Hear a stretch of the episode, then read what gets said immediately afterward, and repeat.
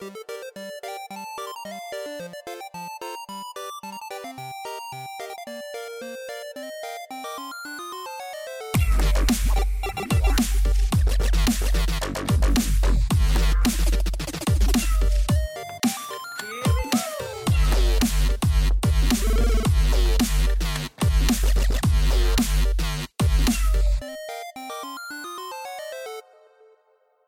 sådär, nu är vi tillbaka med avsnitt, vad är det, 32 eller någonting? Nej, det är typ 27 tror jag. 35? Nej, är det så? 40?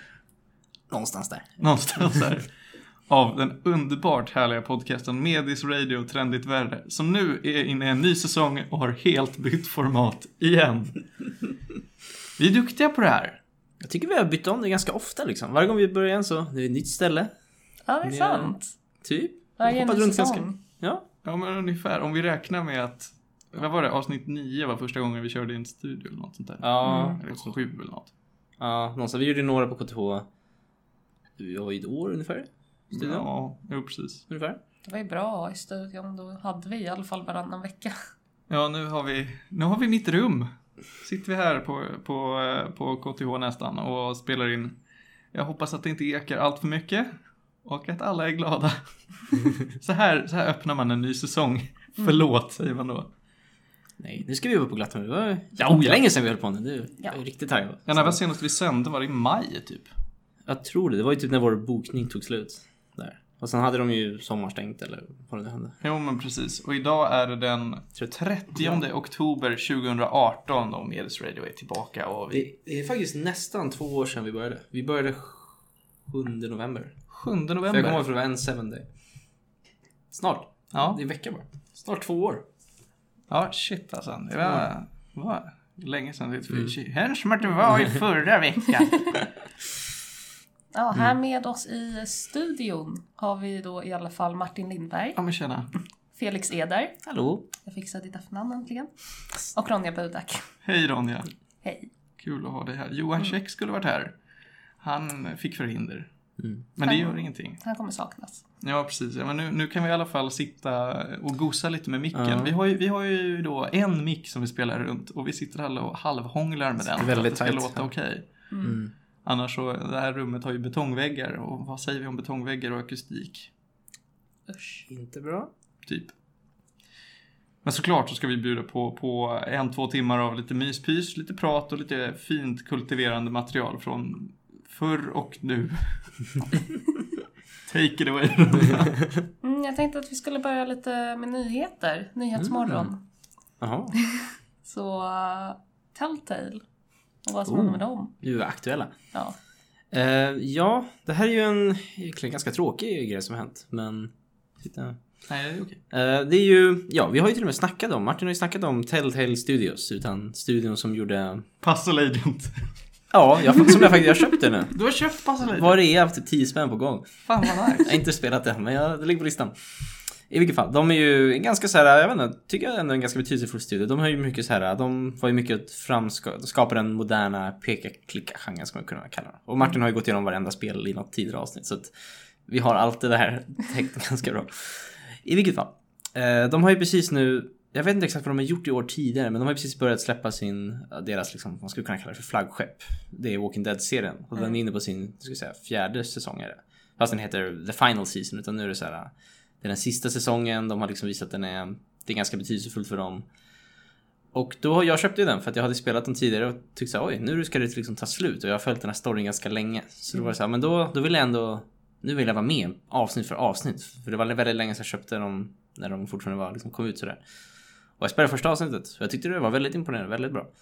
Och sen innan andra avsnittet släpptes så kom det en nyhet en, jag vet jag vaknade någon så här lördag morgon och så läste jag på telefonen och bara, det här kan inte stämma. Att Telltale Studio la ner, typ över en dag bara ungefär. Så la de ner. Och de är en, jag tror att de är i San Francisco och de, är, de var typ 250 anställda. Och alla sades upp på samma dag. Och liksom, de sa till och med att de fick lämna kontoret på typ 30 minuter eller något sånt. Så det var verkligen... Ja, det har varit, det har varit mycket problem med att folk som liksom har... Folk har liksom inte kunnat bo kvar nästan för att de har... Det är så dyrt att bo. San Francisco är en av världens dyraste städer att bo i också. Så det, ja, i alla fall. Så det har varit lite så här... Telltale har haft lite problem ganska länge, vad jag läst. Ekonomiska problem. det är faktiskt att de enda två spelen som, i alla fall sedan Walking Dead, som de har gjort vinst på är Walking Dead och eh, Minecraft. Enda spelen som gått plus. Alla andra har gått, Alla andra spel de någonsin har gjort. ja, har gått back. Fucking Minecraft. Det är klart Minecraft går inte. Ja, men jag förstår att det går bra, men det är så synd att just det ska gå bra när det är ett så jävla skitspel. Du sa att det var rätt dåligt Ja, det är riktigt dåligt. Ja. Var det Minecraft online? Eller? Minecraft Minecraft. Story Mode. Aha. Så att det, det, ja. Och det var inte, alltså jag har hört att det är väl mest, det var väl mest för barn antar jag. Jag vet Ja. inte. Men det det var väl oh, inte... ja. Mm. Det var ju liksom uh, featuring all your favorite Minecraft YouTubers. Ja. Nej. Oh. Och Minecraft är inte riktigt det man tänker på, storydrivet, spännande. Nej. Det är fritt och kreativt. Det hade en gullig gris, det ska det ha. I vilket fall, så att det var, det var egentligen, och första Walking Dead slog igenom också, det var ju så kritikerroset. Det sålde nog ganska bra, det var också därför jag började spela dem till exempel, att det var väldigt många snack om det. Men lite grann sen dess, Telltale har egentligen bara, de har fastnat lite i en bana att de har gjort, köpt in väldigt mycket dyra varumärken. Eh, och jag vet faktiskt inte riktigt, jag har lite dålig koll på det varför, men de, de har ju inte gjort liksom, förut så gjorde de ju mer lite mindre kända grejer, men efter Walking Dead så har de tagit in nästan alla största varumärken. Inte fan om du kan säga att eh, Back to the Future är en mindre Okej, känd det är- grej. Jurassic Park. Okej, men de började, men det var ju ganska nya till, alltså det var ju de och sen var det väl Walking Dead. Mm. Så de började ju typ, för förut var det liksom, vad var det, CSI typ? Ja, precis. Ja, men det var si som var jag kommer ihåg gamla- av kända varumärken Mm. då. Om vi säger som inte är spel, för Sam Max var ju innan och de är ju kända. Ja, men det var lite så här gamla LucasArts-spel va? Ja, men lite så. Ja. Det var ju LucasArts och sen blev det Telltale. Men om vi säger saker som är inte, Mm. inte är spel, så var det ju CSI, det var Back to the Future, sen var det Jurassic Park Mm. och sen kom The Walking Dead som var en serietidning på den tiden. Det var innan serien. Jag tror att det var innan serie, Jaha. eh, tv-serien. Jag för mig att när jag började spela så släpptes typ första eller andra säsongen. Det var ganska tidigt tror jag. Ja. Ja, det är möjligt. Vi kan kolla vad som kom Jag först. för mig att det var, jag för mig att jag kände till den serien i alla fall. Mm, Ja. ja, vi kan kolla. Jag kan ha fel. Ja. Det kan vara så att det, det var så här förhållandevis nära Mm. varandra. Mm. Men de kopplade ihop ganska bra med både tv-serie, serietidning och eh, spel. Fanns mycket referenser i den första säsongen. Ja, just det. Det är något som försvann sen. Ganska Ja, helt. ja, ja, det finns i, vad är det då? Mission. Så, nej, Michonne tänker jag väl inte på, utan jag tänker väl på Jesus. Är han med i serien? Mm, han är med i serien. Han är med i, jag vet att han är med i både serietidningen och eh, tv-serien. Mm, ja, jag slutade. Ja, I vilket fall, så, så Telltale liksom, de fortsatte ju och de, jag, jag kommer ihåg för jag spelade första Walking Dead och var så här, wow, vad ska de göra härnäst? Och så gjorde de Wolf Among Us som jag tyckte var jättebra verkligen. Jag tyckte jättemycket om det. Och jag tyckte väldigt mycket om Borderlands. Men efteråt så här, de det kom liksom, de annonserade liksom spel efter spel. Jag tyckte de lite, blev lite sämre hela tiden. Jag tyckte Batman var väldigt tråkigt. Ja, Batman var tråkig, men fan Game of Thrones var bra! Den spelar jag inte för att jag, många sa att den var tråkig. Så då hoppade jag den. Ehm, spelen kom två år efter serien. Okej. Och då var det två säsonger. Ja, då så. Ja. Mm. 2012 kom spelen. 2010 sändes första säsongen. Okej, ja, men då var det väl typ två säsonger tror jag. Ja. Eh, Men i vilket fall, så att, och det är också just eftersom Telltale har haft väldigt mycket problem vad ska jag säga, internt också så, så att de har haft problem med att folk har kommit och folk jobbar inte så länge på Telltale för att de blir väldigt utbrända och det har varit mycket så här problem internt vad jag har läst och hört. Och mycket folk som jobbar övertid och så det har varit liksom problem just för att de deras mål är alltid att försöka, de har sagt det också, att de har försökt pusha ut så många avsnitt de kan om året liksom. Så därför känns det lite grann som att de från att vara en studio som försöker göra lite kreativa grejer så har de liksom gått till att bli mer pumpa ut stora kända varumärken som folk känner till och kanske kvaliteten inte är jättebra på något sätt. Mm. Vilket är lite tråkigt att det blev lite så. Ett väldigt stort problem inom spelindustrin just nu. Mm. Men jag skulle dock ändå vilja säga, nu har jag faktiskt bara spelat första avsnittet av eh, Walking Dead säsongen, sista säsongen. Det var väldigt bra, jag var imponerad. Jag tyckte det var bättre än de kanske två tidigare säsongerna. Det var, det var väldigt imponerande. Eh, jag har inte spelat andra avsnittet, men det är ju också det sista avsnittet som Telltale ja, någonsin kommer göra då i så fall. De har ju ställt in både de hade väl annonsat Wolf Among Us säsong två tror jag. Men det, är- det är ju inställt. det, ja. Och de hade ju också De hade ju någon grej med Stranger Things på gång med Netflix. Mm. Jag vet inte What? hur det blev med det. De, de, hade, de hade Jag tror de har bekräftat det men det var väl så rykten. Men de hade sagt att de skulle göra det. En serie eller vadå? Eh, jag tror att som är deras vanliga standard. Men jag vet inte, Netflix sa, alltså jag antar att det är också inställt för att de ja, existerar ju inte Jag längre. minnas att jag läste något om att så här, ja, Netflix är arga. Ja men typ, och de, jag vet de kanske går till en annan studie eller någonting. Eh, men i vilket fall, men, men det, och du vet det var lite problem med rykten ett tag att för att de tog ju bort Walking Dead Final Season från Steam så att du inte kunde köpa det Det är längre. fortfarande inte tillbaka. Är det så? Mm. Jag kan inte köpa det. Det ligger med min wishlist. Det är så? Mm. Ja, Okej, så då kan jag. Jag kan spela avsnitt. Mm. Men så i alla fall, så det andra avsnittet släppt. Men nu är det så att det kom ut för, det var inte så länge sedan nu, det var bara några veckor sedan. att Skybound, som är, nu ska jag säga nu, Robert Kirkman som är han som har skrivit Walking Dead serietidningen, han har också ett spelföretag tydligen. Som är Skybound Entertainment. Jag vet inte riktigt vad de har gjort annars. Ja, nu, nu så slänger jag in världens gissning. Men jag vill minnas att de var med och, och gjorde någonting med Brutal Legend. För det var ju Double Fine. Jag Har minnas de. Brutal Legend? Är det så? Jag har Ja, spelat Double. Fine var Brutal Legend. Jo, jo, men... Men jag har för mig att Skybound. Var med på det där alltså. Eller så är det bara, bara jag som är helt ute och cyklar. Jag kan hämta Brutal Legend som står på min hylla här. Ehm, I vilket fall, men så de, Skybound sa tidigare att de har nu gjort en deal med Telltale. Och jag har till och med tror att de ska ha sagt att de ska ta in några av gamla Telltale-anställda. Jag är inte helt säker på det. Fan vad bra. Typ, men det var inte alla, men jag har för mig att de sa att de hade tagit in ett antal folk Mm. så de skulle kunna fortsätta avsluta det. Och de ska göra det nu. De ska göra klart de två sista avsnitten. Jag såg ingenting om att Brutal Legend skulle vara Skybound. Eh, I alla fall, så de har ju sagt att de ska göra det. Det finns ingen riktigt datum tror jag. Jag för mig att det var något initialt datum för avsnitten. För det är bara fyra avsnitt den här säsongen. Den var från början bara fyra. Så att, så att de avsnitten, de... Jag vet inte om de ska hålla sig till de datumen, men om de gör det så kommer det ändå släppas tror jag innan slutet av året. De två sista avsnitten tror jag. Så att det finns fortfarande liksom ett... Potentiellt finns det ett slut på det, men det är också lite jag är lite nyfiken på hur långt i förväg gör Telltale så Det verkar som att de första avsnitten nu inte ens var gjorda ens liksom. Kanske fanns ett manus för dem, men det verkar inte vara så mycket mer som har gjorts. Nej, jag, vet inte heller hur det funkar. Alltså det, det, är, det är så mycket kaos när de jobbar på många olika eh, spel samtidigt. Och sen så verkar de ha väldigt hög press på sig att producera inom vissa tidsramar. Mm. Det känns ju bättre att, att eh, producera länge istället för att ha långa produktionstider mellan avsnitt. Ja, jag tycker, jag. också det. Jag kommer ihåg när jag spelade Wolf of Us, så då var det så här ett halv, nej inte var det, men det var typ tre, fyra månader mellan två avsnitt någon gång. Det var helt Ja, så det här, var- det enormt lång tid att vänta. Det var samma med, eh, med Back to the Future vill jag minnas. Då var det Ja. också så här. Det gick ett år mellan att jag spelade den första och typ fjärde. Jaha, okej. Ja, men ändå. Det var, ja, det var fem avsnitt Mm. och det var så här, jag, jag hann avinstallera det och sen bara, vänta nu, just det, jag är inte klar med det här Mm. spelet, ominstallera det. Mm. Så jag vet inte, jag har alltså jag tycker det är tråkigt. Sen är det så här, Telltale har ju inte skett sig. Liksom, de har inte gjort det bästa de kan. Och jag har också själv tröttnat ganska mycket på det spel på senare åren. Men jag kommer ändå ihåg, jag vet inte, det känns ändå tycker jag lite sorgligt för att jag har ändå Telltale har ändå varit de här företagen jag har följt väldigt mycket genom åren och spelat väldigt många av deras spel och så här, typ wow vilka, vilka kreativa människor som jobbar här. De, för de liksom ändå, det fanns ju inte den här, alltså nu, nu är det lite vanligare liksom med lite mer, eh, vad heter det? vad ska man säga, li, det finns ju mer liksom peka-klicka, lite mer storydrivna spel som inte bara är pussel liksom. Och det finns ju nu, det finns ju Life is Strange och det finns andra spel. Jag, jag höll på att säga, innan du sa att det är så här som inte är pussel så är det på att säga att jag kommer sakna Puzzle Agent. Nej, okej. Men i alla fall, jag tycker ändå att det är något som de har ändå skapat en genre nästan skulle jag vilja säga.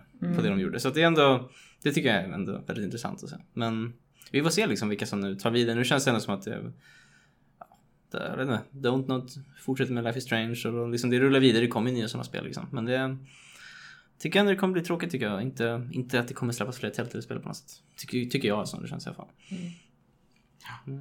Ja, ja, vi får hålla alla tummar vi har för Telltale och, och deras anställda framförallt som Verkligen. just nu hänger så otroligt löst. Ja, jag har ju läst många historier att folk har behövt, det var ju några som typ flyttade så här några veckor sedan till San Francisco och jobbade där och sen typ fick sparken och fick typ flytta hem igen för att de inte har råd att bo där. Så det är, liksom- det är mycket sånt, och det är ju så många personer som drabbar också. Det var ju över 200 personer liksom. Så det är ju väldigt, ja, det är många som har förlorat jobbet liksom. Ja.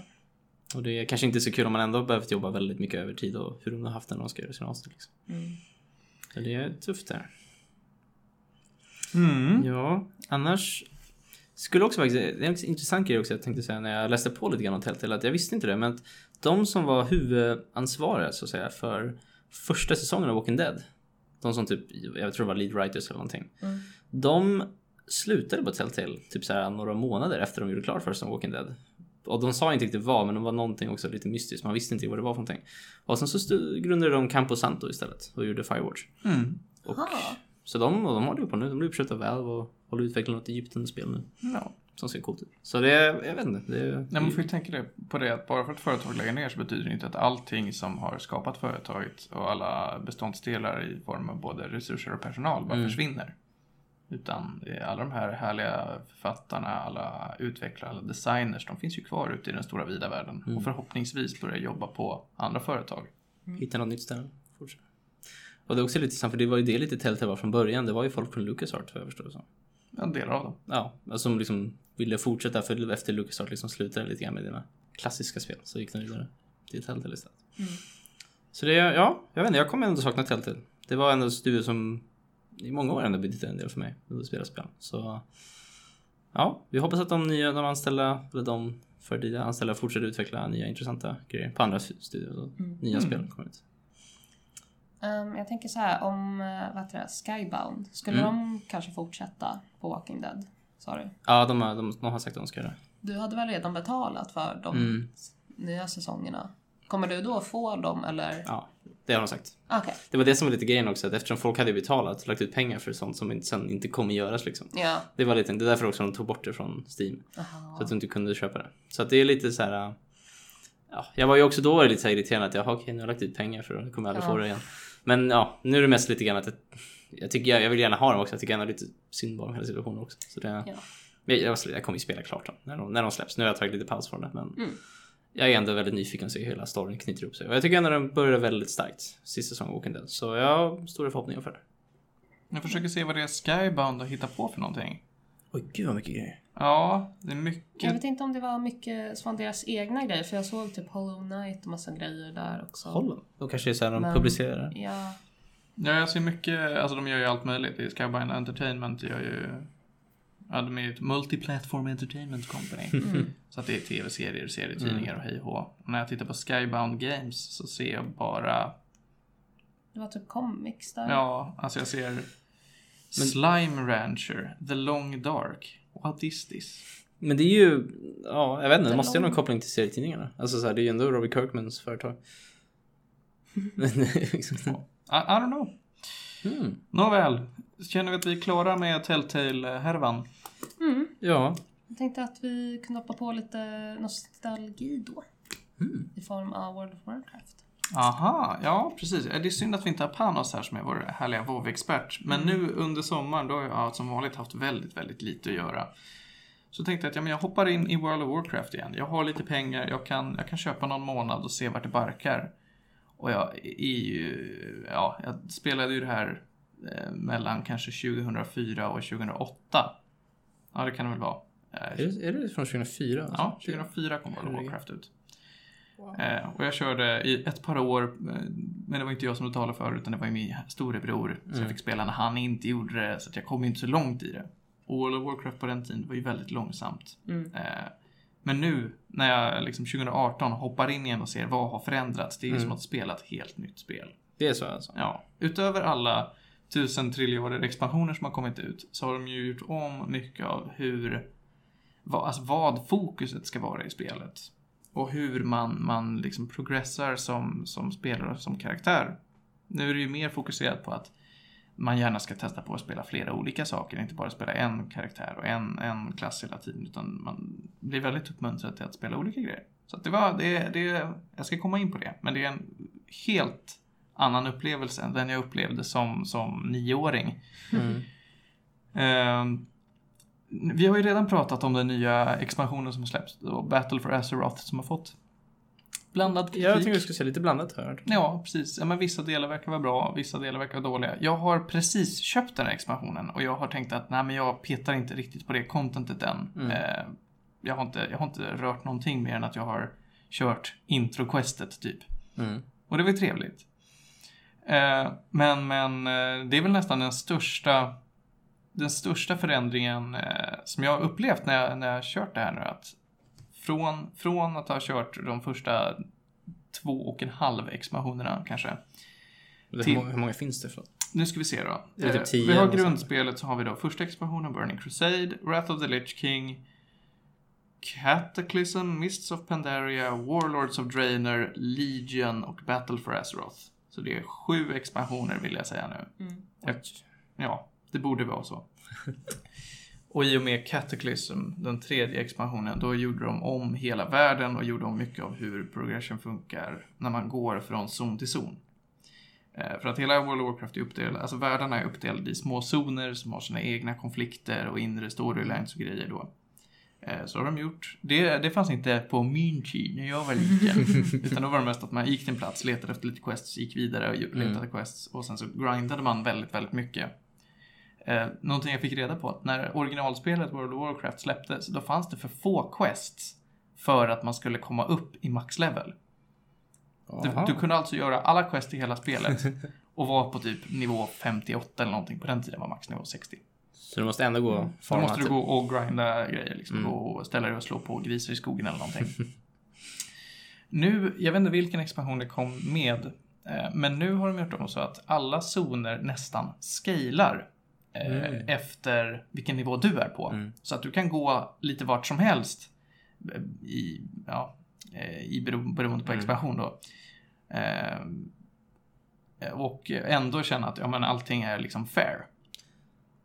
Så det finns inga svåra zoner så att säga? Allting är din nivå? Det beror på.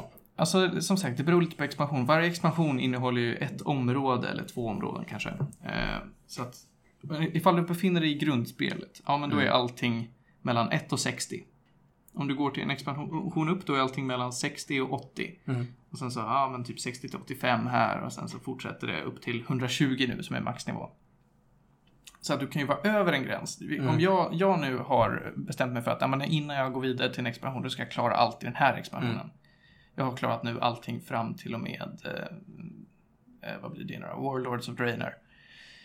Eh, och då, då är jag ju långt överlevlad. Jag är nästan maxlevel. Jag är 117 just nu. Mm. Och jag får ju ingen XP eller någonting av att springa runt i de här gamla zonerna, men jag får en massa achievements så jag får uppleva storyn liksom. Eh, och jag kan ju one-shotta allting. Alltså jag kan slå på en grej och den dör liksom för att de, de har nått sin maxlevel, Mm. men jag är långt över den. Mhm. Men om jag nu skulle springa till den här nya zonen då som är för, för eh, Battle for Azeroth och skulle springa runt där, då för varje nivå jag går upp så kommer allting anpassa sig efter mig. Mm. Okej. Tycker du att det är en bra ändring? Egentligen ja, därför att det, det gör det sociala spelet mycket lättare. Det är aldrig så att du behöver, ja men jag behöver komma ikapp er Ja. grabbar som är bara en liten bit ifrån mig. Ifall vi säger att dina kompisar är 60 nivåer över dig, Mm. då är du fucked. men om vi säger att, ja men jag kan inte riktigt gå till den här zonen för att det är en nivå 30-zon och jag är bara nivå 10. Det finns ju Mm. inte kvar. Så att om, vi, om du tycker att någon zon är roligare, till Mm. exempel att springa runt i, då kan du gå dit direkt. Istället för att, ja, men jag måste vara här innan jag kan komma dit. Detta gäller ju då som sagt per expansion.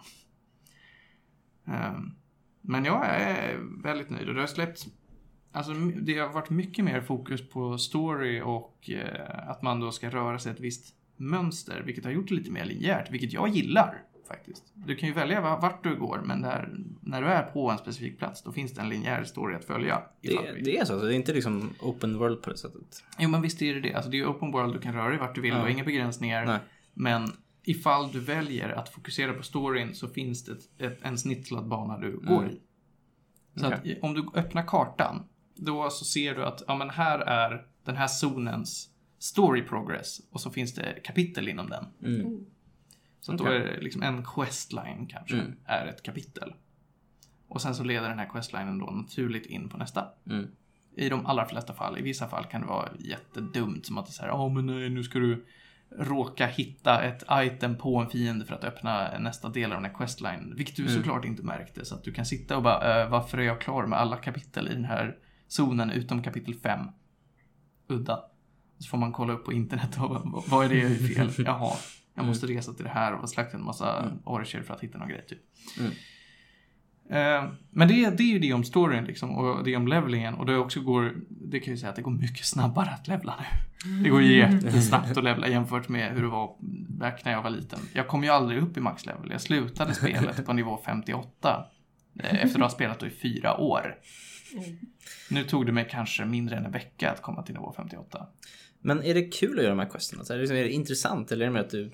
Det lite på. jobb för att få XP liksom? Ja men det, det är en intressant poäng. att Det beror på lite grann. Mm. Särskilt per expansion man är i nu. Mm. Den här nya expansionen, Battle for Azeroth, den har fått mycket kritik för att questsen är väldigt tråkiga. Det är ofta gå hit, spöa grejer. Mm. Gå hit, hämta grejer. Mm. Gå hit, leta blommor eller leta drops så att du måste spöa grejer och Mm. hoppas att eh, saker ramlar från, eh, som loot från fiender och grejer. Andra zoner och andra expansioner har varit mycket bättre på det. jag vill, eh, jag vill vara, vara lite kontroversiell och för de som har spelat World of Warcraft så tyckte jag att i Cataclysm så var Vashir en av de bästa zonerna. Det är en undervattenszon. Mm. Det låter ju coolt. Det är coolt. Du rider runt på en jävla sjöhäst.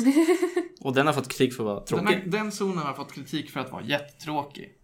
Och jag tycker inte alls det. Jag tycker väl att storyn var en av de bästa. Någonting annat de har gjort är att Dungeons har blivit mycket, mycket mer storydrivna och de har lagt till olika World Quest som är liksom att hela världen runt dig verkar påverkas. Du verkar göra en, en stor förändring.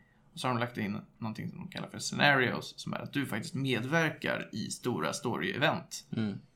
Det är inte så att du bara kan göra en grej om och om igen, utan här känns det som att du är med där det händer istället för att allting kommer i, i trailers eller i cutscenes eller någonting. Men finns det en, vad ska man säga, en main story typ? Alltså så här, någonting som hänger upp eller eh, hur funkar WoW Jo. på så det sättet? Det är ju också lite svårt i och med att eftersom att allt content finns samtidigt så kan du ju också spela alla expansioner samtidigt. Vilket gör det jätterörigt Ja. att veta, för man vet aldrig vad som hör till vad. Jag, kan ta, jag förstår det. Det finns ingenting som utmärker, nu spelar du ett quest från den här expansionen. Eh, om du inte är i det specifika området, liksom, för varje expansion då, då är det ett nytt stort område med en massa zoner i. Mm. Men det betyder ju inte att allt content hör till den zonen. Nej. eh, Och det här stora området, utan det finns saker som händer i huvudstäderna till exempel. Det finns ingenting som indikerar vad Okej. som hör till vad riktigt. Så att jag tänker mig att, ja men nu ska jag göra ett Wrath of the Lich King Quest. Nej, oj, det här var visst ett Battle for Azeroth Quest. Jippidi-doo. Spoiler, spoiler. Och så sitter man och bara, just det, nu har det hänt jättemycket grejer i storyn och så ska man ha läst böcker och så ska man ha tittat på trailers. Det krävs en del av dig för att du ska hänga med i storyn. Den, den, du blir inte matad med sked direkt. Du får inte låta så liksom, lätt att ta sig in i på sätt. Är det... Nej men det tycker jag, nej, liksom. men det tycker jag inte heller att det är. Det är väldigt rörigt att ta sig in i. Det är mycket läsning, mycket kolla på, på gamla filmer och videor och grejer. Eh, För att alltså, många av eventen som händer refererar till vart du är i vart, vart eh, expansionen är. För att en expansion när det släpps så släpps inte allt content direkt. Till exempel den här nya expansionen Battle for Azeroth, den är inte klar. Släpps Det- raider det, och sånt? Det släpps nya ja. raider, det släpps nya cinematics, det släpps nya scenarios och grejer. Så att helt plötsligt när jag startade upp spelet en dag så var det så att jag bara fick ett random quest från ingenstans att hej, nu händer det här. Jag bara, vänta, va? va? Varför då? Varför händer det här? Jaha, det är en nytt Battle for Azeroth Junk. Ja, men då gör jag väl det då. Och så gick jag och gjorde det och så visade det sig att ja, men det här är typ del tre av något, någon typ av story som håller på att pågå i den här expansionen. Jag vet inte vad det är som händer, hjälp mig. Okej, men är det så att du kan... Vad ska man säga? Du kan liksom göra lite av allting samtidigt då? Det finns inget så här, det finns ingenting som hindrar dig från att göra lite Lich King och sen kan du gå och göra lite Panda, eller vad heter det? Ja, of Pandaria. Mist- ja. Egentligen ja. Förutsatt att du är på rätt level. Mm, okej. Så kan du hoppa fram och tillbaka när du vill, hur du vill. Eh, och det jag tycker lider allra mest av det här, det är att karaktärer dör. Alltså NPCer och så? NPCer och sånt dör, storymässigt liksom. Folk kommer, folk går, folk tar semester, eh, folk föds. Jag har ju sett då, vi, vi tar som exempel eh, kung Anduin Rin, ledare över de, The Alliance just nu.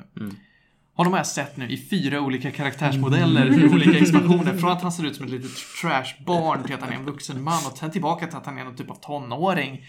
Man bara, men vem är du? Det känns som att man, man tas väldigt mycket ur, ur det immersion för att Visst, en karaktär kan dö, men samtidigt för att jag spelar den här expansionens content som är tidigare så lever den fortfarande. Vilket gör att till skillnad från andra mer storydrivna RPGs och MMO och sånt där. Vi tar Guild Wars till exempel. Mm. Där känns det väldigt mycket som att det du gör påverkar handlingen i spelet, påverkar vad som faktiskt finns och inte finns. Samma kanske i Star Wars, eh, The Old Republic. Här är det väldigt mycket så att vad du än gör, äh, det känns inte som att det påverkar någonting, för allting är fortfarande kvar och hej och hå. Men du har haft kul då, Jag har haft kul. Alltså jag, jag har ju haft någonting att göra som, som hindrar demonerna i mitt huvud från att ta över, vilket är det viktiga. Och det är ju, det är ju väldigt så här, du kan ju pumpa ner väldigt mycket tid i liksom. Oh ja. Det är inte bara storyn och quests och grinding man kan göra, utan de har lagt in en massa nya grejer. De har lagt in ett eget Pokémon, till exempel. Mm. Det är som de kallar för pet battles. Där du går Ja, runt och samlar på, på djur för att slåss mot andra små djur. Eh, och de har gjort Dungeons där du kan gå igenom och möta liksom motsvarigheten till The Elite Four. Mm. Nästan. Intressant.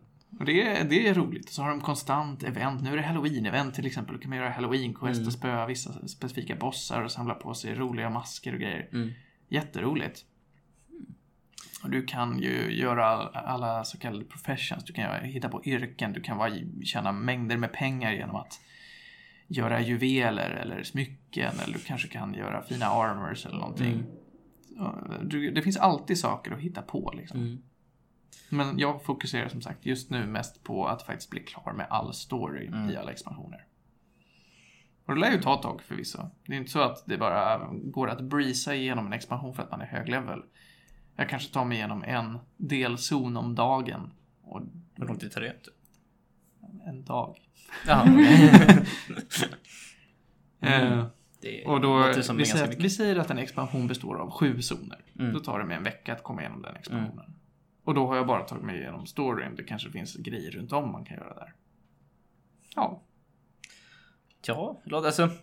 Jag tycker ändå det är, så här, det är ändå intressant tycker jag som spel att det har funnits så länge och att det fortfarande är typ aktuellt. Jag vet inte hur många miljoner som spelar nu men det är ändå det är ju fortfarande typ världens största MMO eller något sånt. Ja, eller? ja, det är fortfarande det. va? Ja. Lätt. Och det är, alltså det är riktigt roligt. Det lever ju fortfarande. Det Ja. känns som att det är mycket folk där.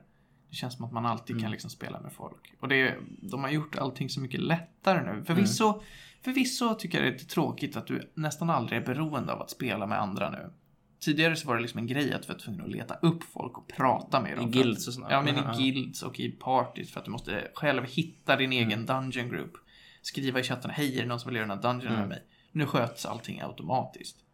Så Mm. det är smidigare, tar mindre tid, men det tar också bort för att du aldrig behöver interagera med någon om du inte vill. Ja. Så det kan vara lite tråkigt kanske man vill. Det är liksom det ändå finns. Det är lätt att spela själv nu liksom. Det är lätt det att spela är själv, vilket ont, det liksom. vara. Ja, men det är på gott och ont. Men Mm. det finns ju också, ifall du letar efter folk så kommer du hitta dem. Mm. Liksom. Ifall du vill göra det till ett socialt spel så kan Mm. du. Eh, ja, jag vet inte, jag gillar det. Det, är- det är mycket mer lättillgängligt, tycker jag, än, än för liksom 10 år sedan. Mm. 10-12 år sedan var det till och med. Mm. Eh, Men jag, men jag tänker ändå, det finns ju ändå en väldigt stor publik som vill spela original eller Vanilla WoW, eller hur? För det Mm. fanns ju, jag kommer ihåg när man läste om de här servrarna som satt upp som sen togs ner. För nu har väl ändå Blizzard sagt att de ska göra en WoW Classic, eller hur? Mm. Precis, det är bara runt hörnet. Det Det, är så, kommer alltså. när som helst. Det är WoW så, ja.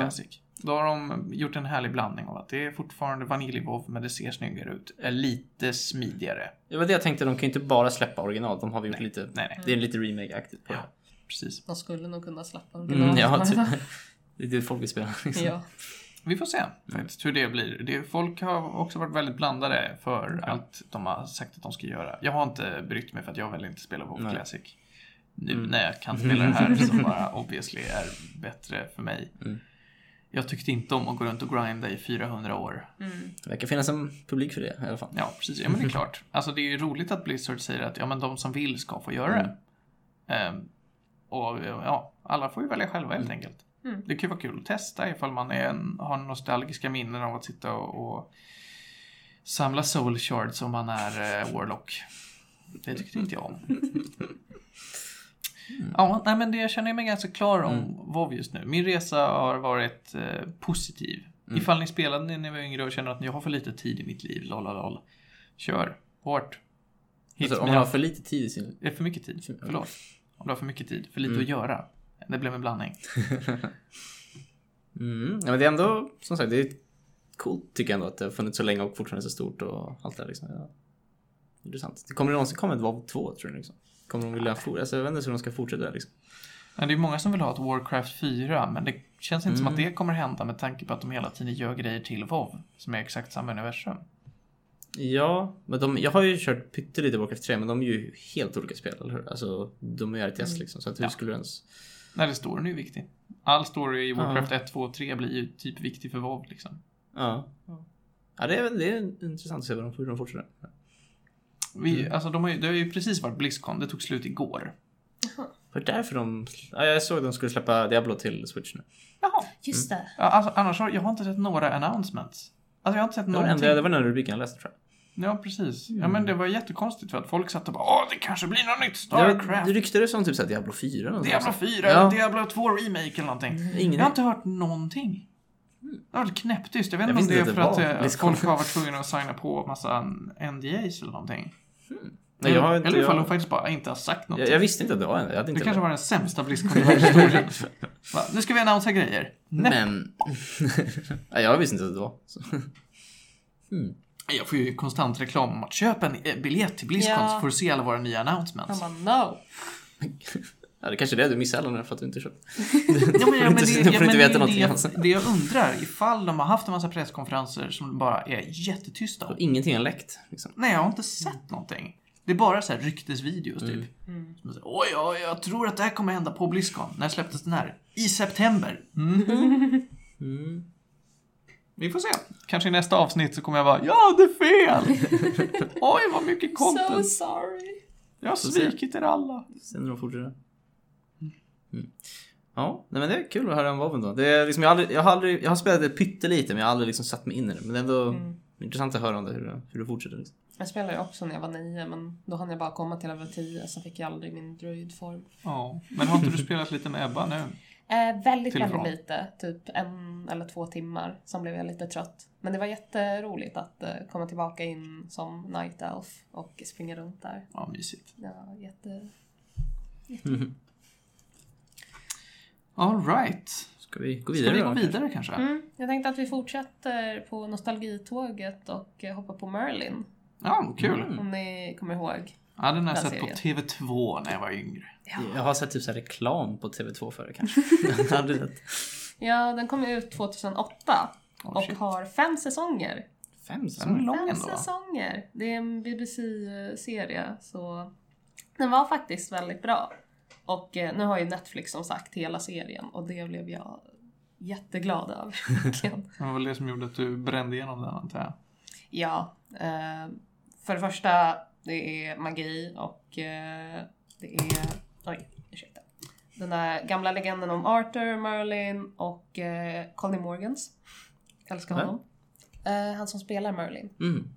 Han är inte med så jättemycket men eh, jag älskar den skådespelaren. Han är jätteduktig. Igen. Eh, ja, jag började från första episoden. Även om jag sett så här eh, massa i eh, första säsongen och sen lite blandat. Men det var... det var väldigt blandat för Ebba satt och så kikade, eller hon satt och tittade med mig från Mm. början. Men sen så har hon suttit vid sin dator och sen kikat lite och hon gick ju så här datagrafik förut uppe i Skellefteå. Så hon har väldigt mycket att säga om alla effekter hela tiden. Det får inte låta så bra. Alltså alla effekter var verkligen dåligt, speciellt Ja. i de första säsongerna. För det är alltid något, Mm. eh, något magisk, någon magisk varelse eller någonting. Och då blir det jättedålig CGI på dem. Eh, Får jag bara fråga, jag som inte har sett egentligen. Det är alltså, det är baserat på Arthur-legenden alltså. Exakt. Fast lite fantasielement låter det som. Eller mycket. Alltså Arthur-legenden har ju så här fan, eh, magi i Ja, sig och också. Ja, ja.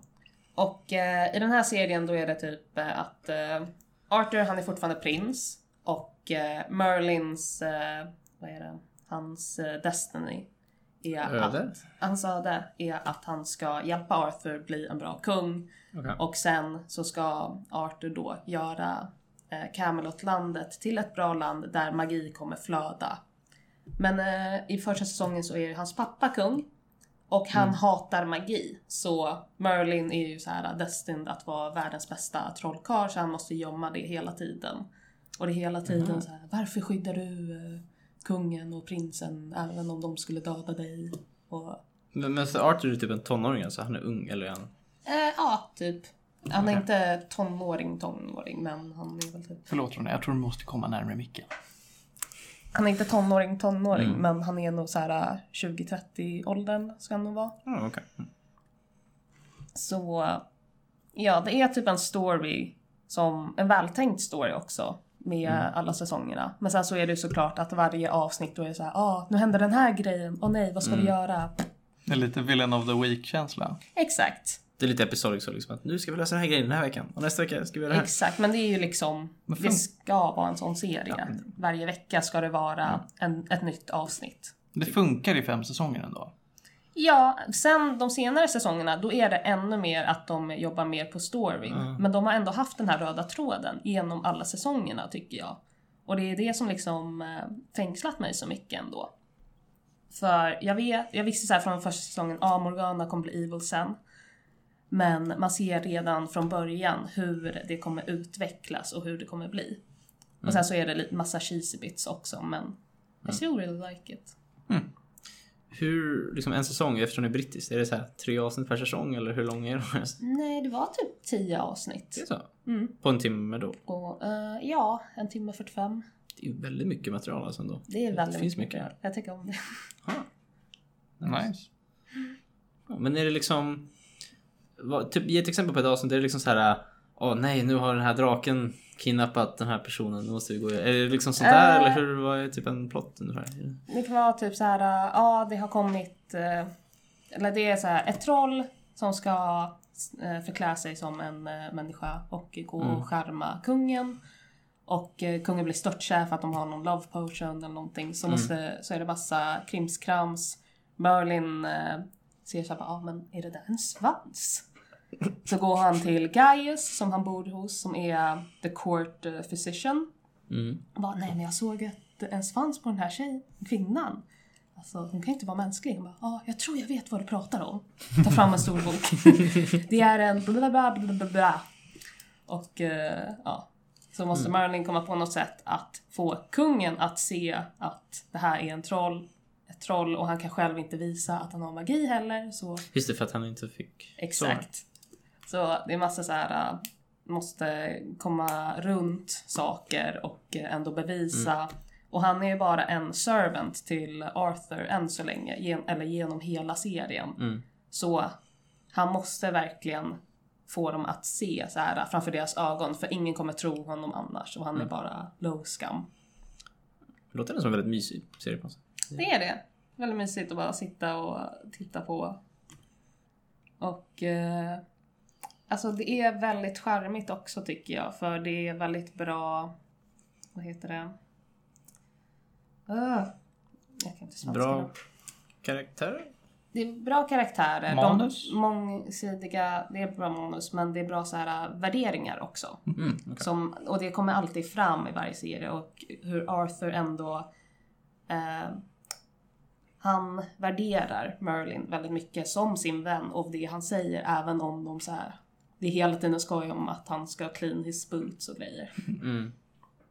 Men jag får lite så här känsla av att det är någon slags lärling och mästare-relation. Typ. Alltså att Merlin är liksom en äldre... Eller, liksom, eller hur, hur gammal? Merlin är någon trollkarl liksom. Alltså att han är... Han är en trollkarl men han vet inte riktigt hur han ska använda sin magi och han lär sig genom serien också hur han ska Mm, göra okej. det. Och bli den här stora trollkarlen han är. Eh, Han är väl rätt förutbestämd. ung i den här serien va? Han är väl Aha, här- de är typ? Eller? Ja, exakt. Jaha, okej. Jag, Jag tror han var såhär... Han är ingen old Äldre Nej. Dumbledore typ eller någonting. Okej. Nej. Mm. Ja, det är inte svärdet i stenen Merlin. Ja, det var det jag hade tänkte på. Nej, det är ju samma story men Mm. okej, okej. Och sen så blandar de ju in alla de här uh, huvudbitarna från legenderna. Så här, svärdet i stenen, det kommer Merlin på. Och han fixar ett bra svärd också. Och så Det är för den här hon tjejen i vattnet då, som bara upp det svärdet. så. Mm, eller Eller i, i serien så är det typ, eh, ja vi behöver eh, någonting som kan döda de odöda. Mm. Och då behöver han ett svärd som ska bli forged in dragon breath. Och Mm. det finns en drake under slottet i typ två, de två första säsongerna. Den bara är det.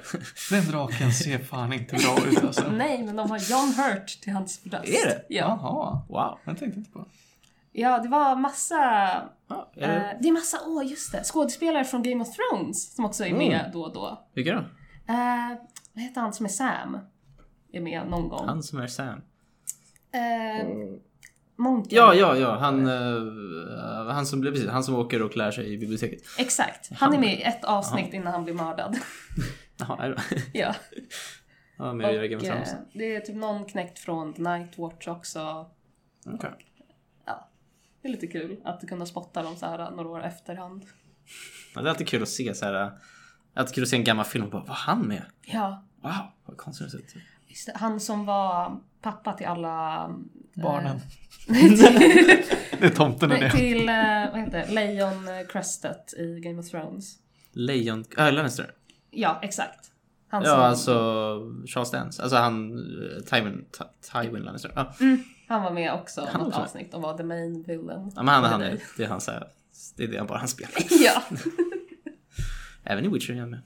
Mhm. Spelar en vill. Typ. Ja. Men jag skulle typ ge den här serien eh, 8 av 10. Åh fan.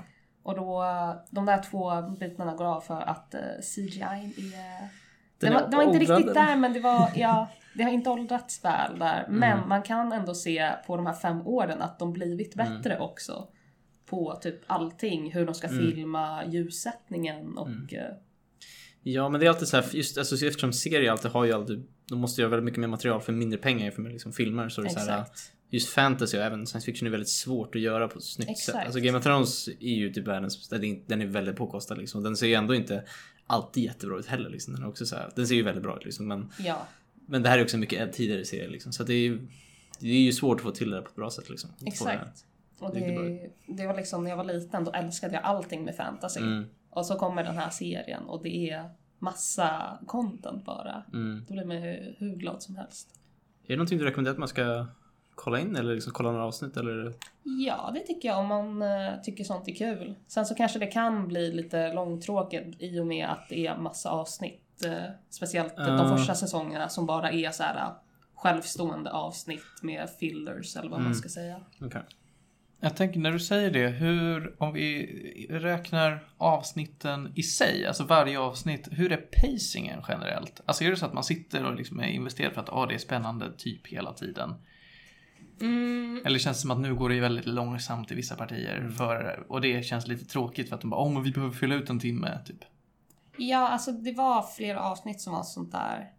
Men sen så är det nästan alltid att det är en liten grej kanske som är viktigt för hela storyn typ. Mhm. I det här avsnittet då kommer det en, eh, en griffin och eh, den, inga vanliga eh, vad heter det, vapen biter på den. Och så träffar vi Lancelot som bara är en random dude som vill bli knäckt men han är inte adel. I sax.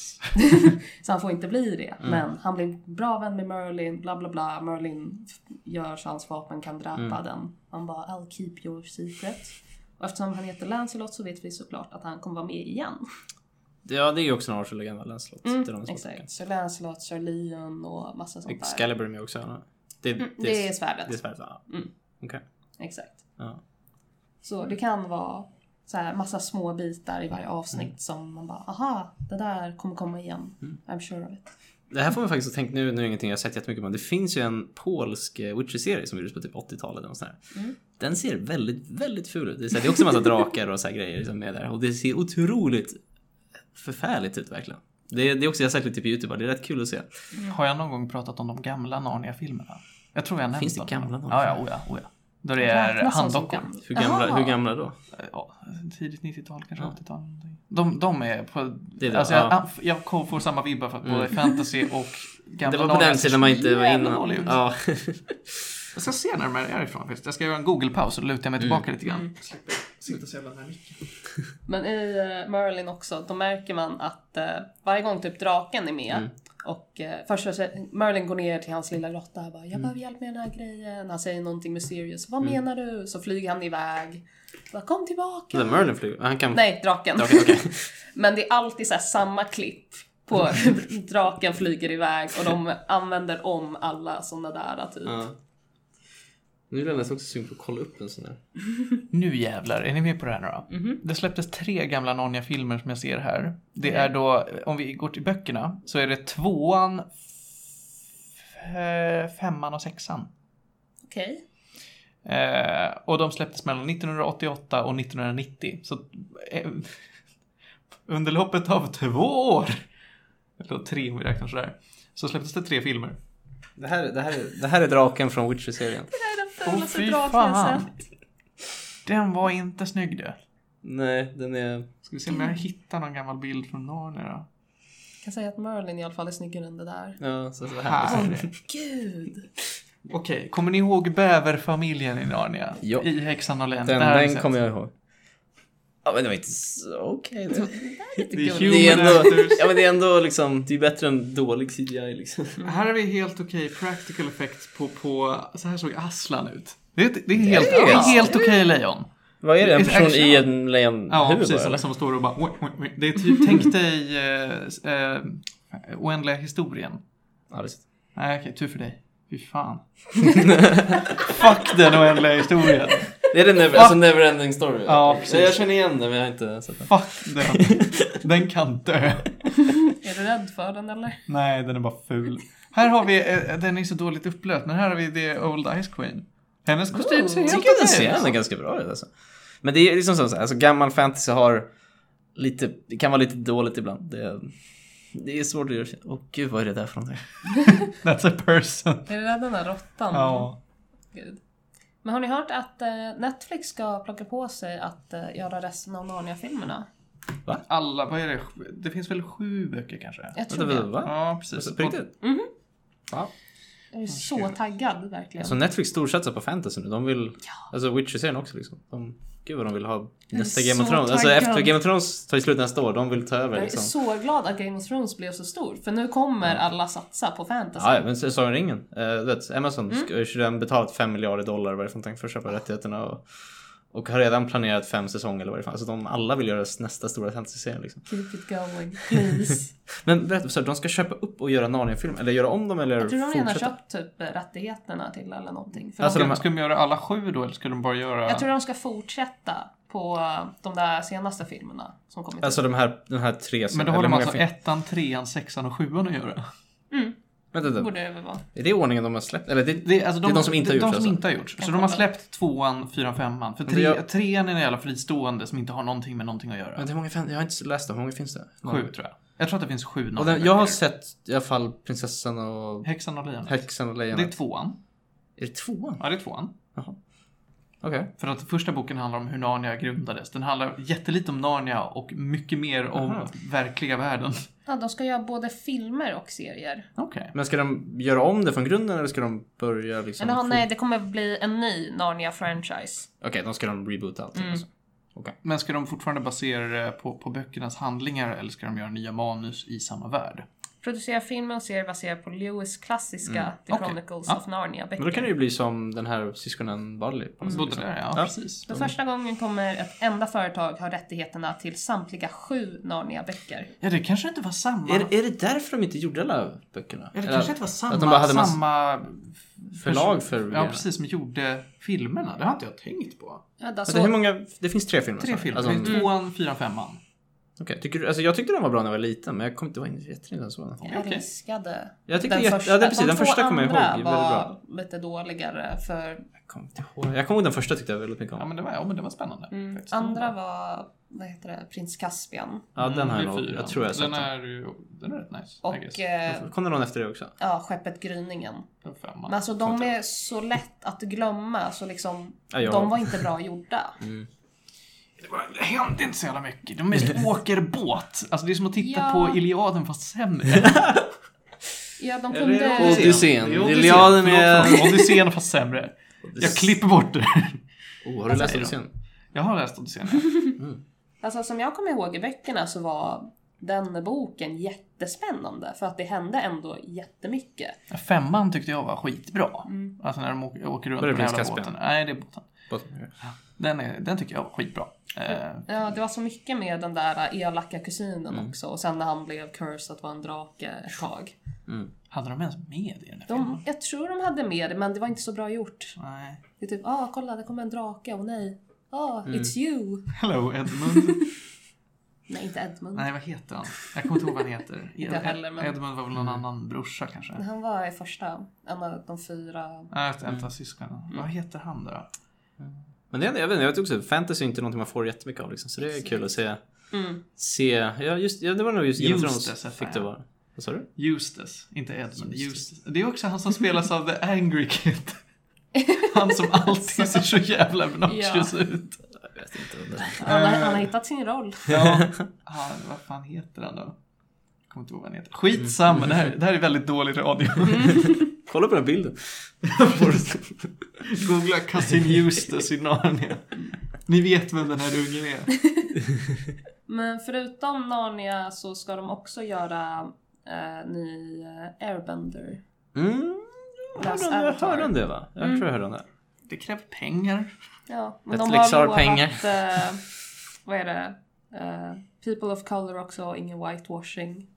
Var det problem med serien eller? Mm, Med filmen. Den ja. Den, Jaha, de ska göra live action-filmer av det? eller? Ja. För alltså, Jag det kommer ju ihåg hur ut. mycket people of color det var i den Last Airbender. Det är säkert ett gäng. Det är typ alla är det i eh, serien.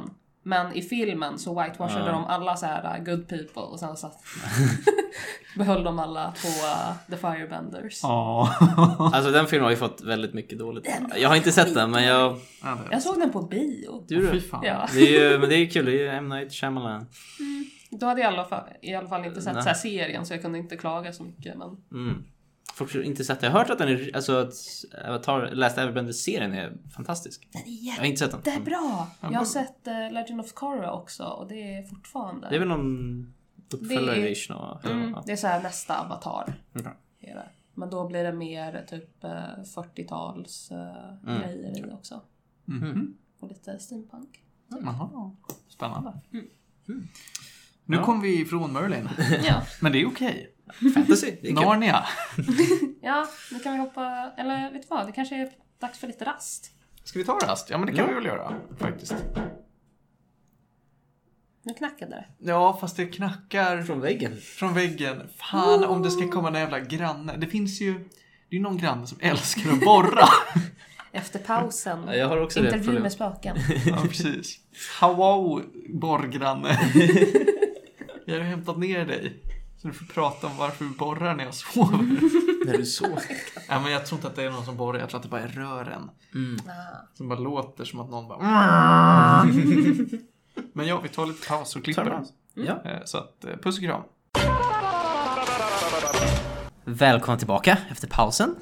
Ja, Ja. Nu har vi ju klippt upp så det blir väl ingen Ja, precis. paus. Det är väl ingen paus för er. Eh, Paus för jag, oss. Jag, jag la in en jingel. Perfekt. Och vi är tillbaks i vår nya studio med Martin och Ronja och mig. Mhm. Och eh, ja, vi har fortfarande, vi tog inte igenom så mycket första timmen, men vi har enormt mycket kvar Ja, listan. vi får Så se hur mycket vi hinner med. Det hinner ju Ja. hända väldigt mycket på en sommar och två månader. Nu är Det liksom... gör ju det, och man, vi gör, vi brukar ju oftast ta oss in mycket, väldigt mycket kultur på den tiden, så det är Ja, oh ja. mycket Alltså, saker att Jag vet göra. inte hur det är med er, men särskilt sommaren för mig, det är bara så här kulturkonsumeringsmecka. Liksom. Ja, men det är så, man har mycket tid. Helger sitter man och bara... Det var så varmt den här sommaren så jag kunde typ inte vara i mitt rum. Ja. Jag, jag var tvungen att gå och bada typ varje dag. Ja, jag fick att, när det bodde hos mina föräldrar, då hade vi alltid så TV allting i källaren. Det var där det var kallt typ. Så då var jag alltid där och bara, men om jag ändå är här, då kan jag väl lika gärna spela God of War typ. Och så gjorde jag det Mm. hela sommaren. Mys. Vad har vi näst på agendan Ronja? Eh, nu kommer vi till lite skräckis och Mm. American Horror Story tänkte jag. Jaha. Ah, vad mysigt. American Horror Story, det är en extremt spännande serie där varje säsong handlar om ett nytt skräckkoncept med samma skådespelare som de tidigare säsongerna. Så gör de något nytt av det. Så vi säger att varje säsong har en, en undertitel. Första säsongen heter Horror House, Murder House till och med, förlåt, fucked up. Någon heter Coven och handlar om häxor. Någon heter Hotel och handlar om ett Hotell. Ja, mystiskt hotell, det är lite The Shining-feeling. Oh. Någon handlar om en freakshow på en cirkus. Och så vidare, så vidare. Alla säsonger består av typ 12 avsnitt, någon består av 10, någon består av 11. Eh, och det är förvånansvärt lite skräck ändå, tycker jag. Mm. Alltså visst, det finns, det finns eh, mycket gore, det finns mycket blod och mycket spännande... eh, Mycket spänning liksom. Du sitter ju på nålar ibland. Men det är otroligt mycket drama. Jag skulle nästan säga att det är mer en dramaserie än vad det faktiskt är en skräckserie. Jag tänker mer så här drama och horror för det, är, det kan vara så gruesome saker Mm. som händer. Men är det liksom läskigt eller är det bara äckligt för att det är blodigt? Det är ibland är det läskigt. Ibland är det. Ja, Ja. det tycker jag. Alltså det är ju inte på, någonting, på något sätt liksom inte läskigt. För det är mycket ställen där man är, är rädd. Mm. Så är det. Men någonting som jag märkt är att halva säsongerna brukar fokusera på att man inte riktigt vet vad det är som händer. Det är läskigt, det är saker som inte förklaras. Och sen brukar det lösa sig någonstans mitt i säsongen. Och resten handlar om hur de tar det här konceptet och försöker anpassa sig till det. Till exempel, nu ska jag ju spoil, jag spoilar första säsongen lite grann. Okej. Men det är okej. Mm. Eh, första säsongen handlar om ett hus där folk har dött väldigt mycket i. Vi är alla med på det? Familj flyttar in i ett hus. Låter bekant. De, de träffar på en massa, alltså det, det händer massa spooky Mm. shit i det här huset. Liksom. De blir skrämda av, av spöken och folk dör lite hit och dit. Mitt i säsongen så märker de att ja, men alla, alla som har dött i det här huset, de blir spöken i huset. Så är det bara. Alltså det är bara ett mystiskt hus. De lever vidare. Och de behöver ju inte vara något läskiga, utan det är som att de bara är kvar och får välja att göra lite vad de vill.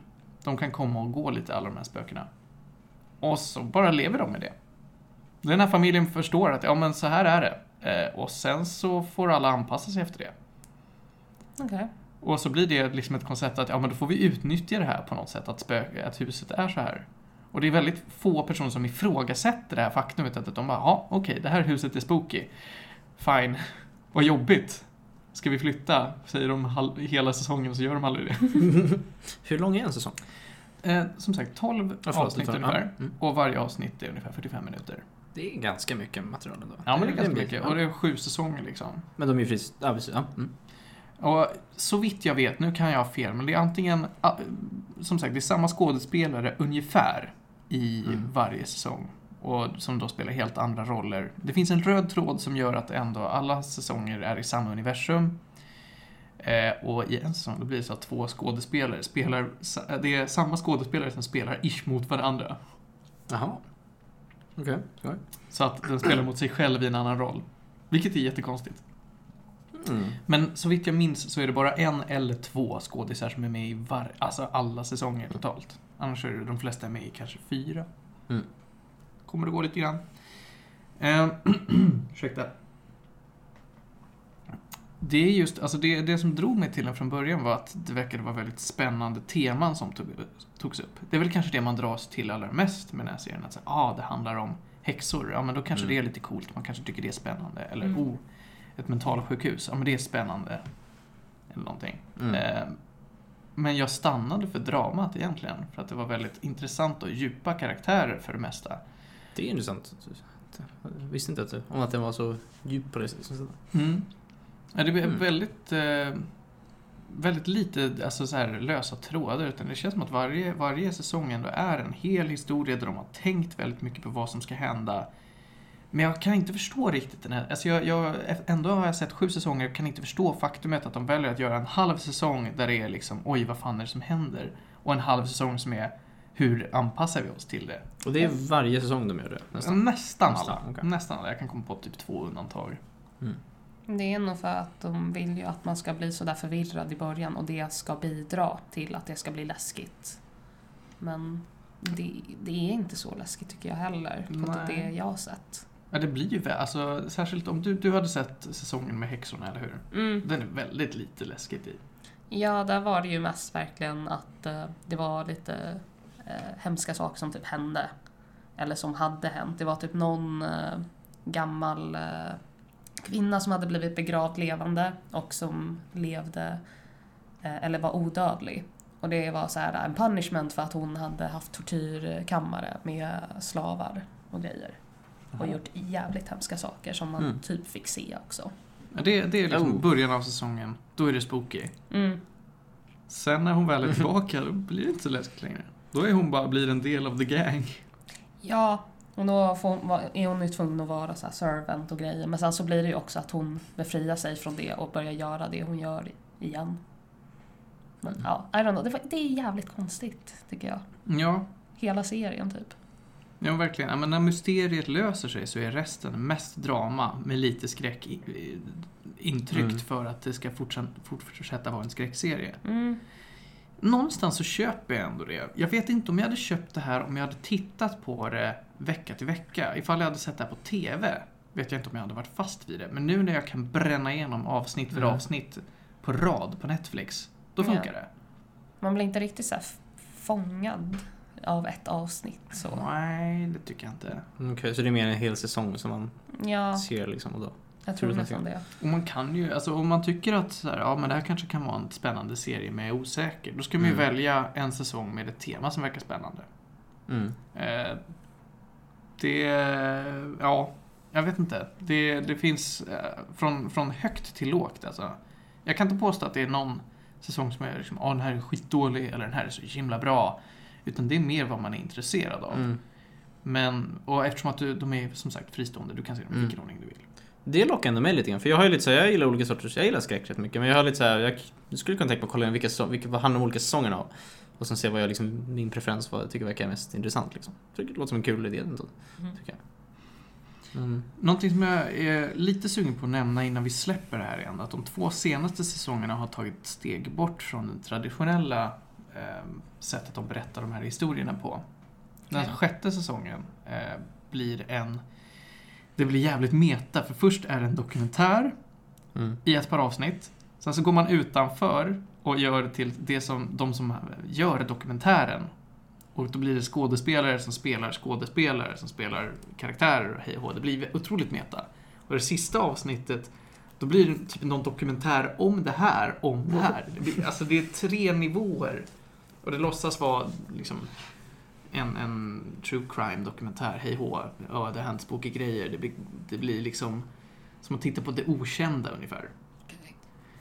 Otroligt underligt. Ja, du har ingen röst kvar nu. Men är det någonting ni rekommenderar att man ska kolla om man är lite... Ja, jag är ändå, jag gillar skräck liksom. Men är det... Serien i sig, absolut. Men det är lite- Vilken, man får välja lite vilken säsong bara liksom. Mm. Mm. Sen är i, nu i sjunde säsongen har de släppt allt övernaturligt och är bara, ooh. bara sk- alltså, skräck på, på en annan nivå. Då har de tagit väldigt politisk ståndpunkt för det handlar om Trump. Vadå va? Mm. Är det en Vad heter temat? Eh, Det heter Cult. Ah, okej. Så det handlar om en, en, eh, en kult som börjar att vara liksom Trump-supporters och sen blir mycket mer än så. Det blir Det- alltså religiöst, det blir Ja. kristet, det blir otroligt underligt. Låter ju intressant faktiskt. Ja, jag gillade den säsongen faktiskt. Den kändes väldigt grundad i verkligheten, väldigt aktuell och framförallt läskig på ett helt annat sätt. Mm. Nu är det inte längre så att man är rädd för spöken som kommer att ta dig eller att häxorna ska trolla bort dig, utan nu är det riktiga Mm. människor. Alltså de här karaktärerna kunde man väldigt mycket Mm. köpa. De flesta av dem i alla fall. Mm. Ehm, som, som sakta men säkert går till att bli hemska på grund av alla möjliga anledningar. Mm. Så ja, den var, den var riktigt bra. Och jag vet inte om de kommer fortsätta med den här serien. Jag tror att de fortsätter. Jag tror inte... Jag ser inte varför de skulle slut. sluta. Eh, Det är ganska bra med en sån serie. De kan ju bara göra fler liksom. Mm. Eller för sig, om det var samma skådespelare kanske lite klurigare. Men, men ja, ändå. Ja, vi får se. Nu, den här... eh, Den här säsongen tror jag kom ut 2017 eller 2018. Jag är inte säker faktiskt. Jag tror det borde vara i år, typ. Mm. Men de släpper ju varje år. Ja, kanske det. Nej, men den, den får en tumme upp av mig i alla fall. Eh, se, du behöver inte se dem i ordning om du inte vill. Annars så vä- börja i ett, en ände som känns bra om du tycker att serien är bra i sig. Kolla på de andra säsongerna. Kör hårt. Jag såg den i ordning för att jag inte brydde mig särskilt mycket om temat utan tyckte Mm. det bara verkade spännande. Mm. Det var det. Jag lägger den på listan tror jag. Det tycker jag det lät intressant. Kör hårt. Eh, när började de med den serien? Jag vet inte, jag kan kolla. Men det är sju säsonger måste det vara ändå vara. Det måste vara ett tag sedan. Gammal ändå. För det, det var innan Netflix. Ja, men det måste det väl vara. Eh, Det var väl- 2011. ja. Det var då ju känns det innan. Netflix var stort i alla fall ska jag säga. Mm. Det kanske var när de gjorde andra saker än bara online streaming. Ja, men precis, precis. Skickade DVD-er. så. Precis. Back in the days. Mm, mm, mm, kommer jag ihåg. Mm. Jag tänkte att eh, vi kan hoppa på lite film nu. Jo, Eh, hade du sett både Black Clansman och First Man? Eller? jag har sett båda. Eh, Jag tänkte jag kan börja egentligen med Black Clansman för den jag tyckte jag var bättre. Men eh, ja, jag var ju och såg, nu var det typ någon månad sedan tror jag, där. men jag var och såg den på Tellus såklart, för att den gick på Tellus. För att du alltid går till test. Ja, jag har till och med satt upp min Tellus-katalog på mitt kylskåp så jag kan alltid Ja, kolla på den. Så. Är det en biograf? Ja, det var där, nu bor jag inte jättenära, men det var där, det var ju fem meter från vår studio ungefär. Mm. Där var där man kunde gå och se biofilmer för 70 spänn, så det var trevligt att gå dit. Oh, sweet. Eh, I alla fall, så jag var och såg eh, den nya filmen Black Clansman som mest för att den hade fått så bra betyg. Eh, jag hade hört mycket bra grejer om den. Och det är Spike Lee som regisserat den, vilket är en... Jag har inte sett så mycket, men han är en ganska känd regissör som gjorde mycket film på typ 90-talet. Så han är så här ändå, så han gjorde Malcolm X och Do the Right Thing. Och han har gjort så här filmer som är rätt kända, typ. Eh, så att han hade gjort en ny film som hade fått bra betyg. Och jag var så här, jag visste inte så mycket om den egentligen, men jag hörde att den var bra och den gick på Tellus. Det, det räckte liksom. Då var jag så här, men jag, jag går dit en söndagkväll och kollar på den. Och jag tycker det var en... Jag kan nästan börja med att intressera storyn för att det är en sån sjuk historia egentligen. Okej, det, det här är typ... Jag skulle vilja säga typ 70-talet eller 80 det, det är någonstans där, 70-80-talet i någon ganska liten stad i USA. Eh, nu är jag lite osäker på var, men typ någonstans Pacific Northwest tror jag. Någonstans där uppe jag rätt i alla fall. Eh, då är det en svart polis, eller en svart man som börjar på liksom polis där. Han är den första svarta polisen i den byn, så han får lite, han har rätt mycket motstånd att han ska börja. Men han liksom, han är väldigt duktig. Han kommer in liksom, han, han börjar där. Och får väldigt mycket så här, det är väldigt många rasistiska poliser som har mycket problem att hantera. Men han, liksom, han är väldigt duktig på det han gör. Han är väldigt så här, målmedveten. Så han liksom tar sig ändå framåt. Han går först, han börjar liksom jobba på arkivrummet. Och så, ja, till, slut, till slut så blir han liksom en, han är med i gänget till slut, liksom, poliserna. Det här är bara liksom introt väldigt snabbt att han tar sig in. Och filmen handlar om att han, han ser en annons för KKK, alltså Klux Klan, i tidningen. Så de bara skriver där att de letar efter medlemmar eller någonting, typ. alltså väldigt öppet liksom. Eh, Och då blir han ganska arg och han ringer det numret som står där. Mm. Och säger att han skulle gärna vilja gå med. Och sen så anger han sitt egna namn. Eh, vilket han inte tänkte igenom själv först när han gjorde det. Utan han bara gjorde det för att han var så arg. Eh, och ringde. Och så då, så här, då la han på telefonen sen och så sa han han bara jag har gått med, eller så här, jag har, jag har, han skulle träffa KKK eller något så här, på något möte. Och han bara hur, hur löser vi det här? Typ, För han angav sitt namn så att alla visste typ vem han var. Så, så här, hur, hur gör vi nu liksom? För att han kunde inte gå eftersom han var svart. Så han Ja. började så här. Så det här är, så- filmen handlar om att han tillsammans med en annan, en vit polis som spelas av Adam Driver, som är Kylo Ren från Star Wars. Eh, Ja. De två. Get, fi- filmen handlar mycket om att de ska, för det, det är liksom lokala KKK-gruppen i den här lilla stan det är egentligen de ska infiltrera, det tänkt att försöka ta ner liksom. För att de försöker, de har så här korsbränningar och sånt som de inte tycker om. Mm. Eh, Så det de gör då är att varje gång de pratar i telefon med dem, det är väldigt mycket att de har telefonkontakt. Så ringer han huvudpersonen. Eh, Han heter, han har en ganska roligt namn, typ Dan Stell... Dan Stellworth eller någonting heter han. Det är Denzel Washingtons son också som spelar. Jaha. Eh, I alla fall, så han, han har alltid... Dan Stell Washington.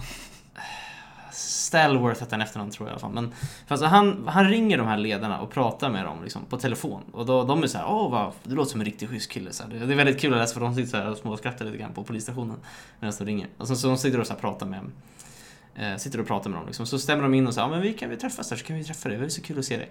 Och när de väl, varje gång de bestämmer sig för att träffas i person så skickar de dit den andra polisen, den vita polisen. Och han får liksom agera som honom. Så, de kör, så han spelar honom så sitter de i radiokontakt samtidigt och säger vad han ska säga ungefär. Och det här är liksom en sann historia som hände. Så att de har... Så du har liksom en vit polis, eller det är en svart polis som har väldigt mycket kontakt med vit polis som försöker infiltrera KKK.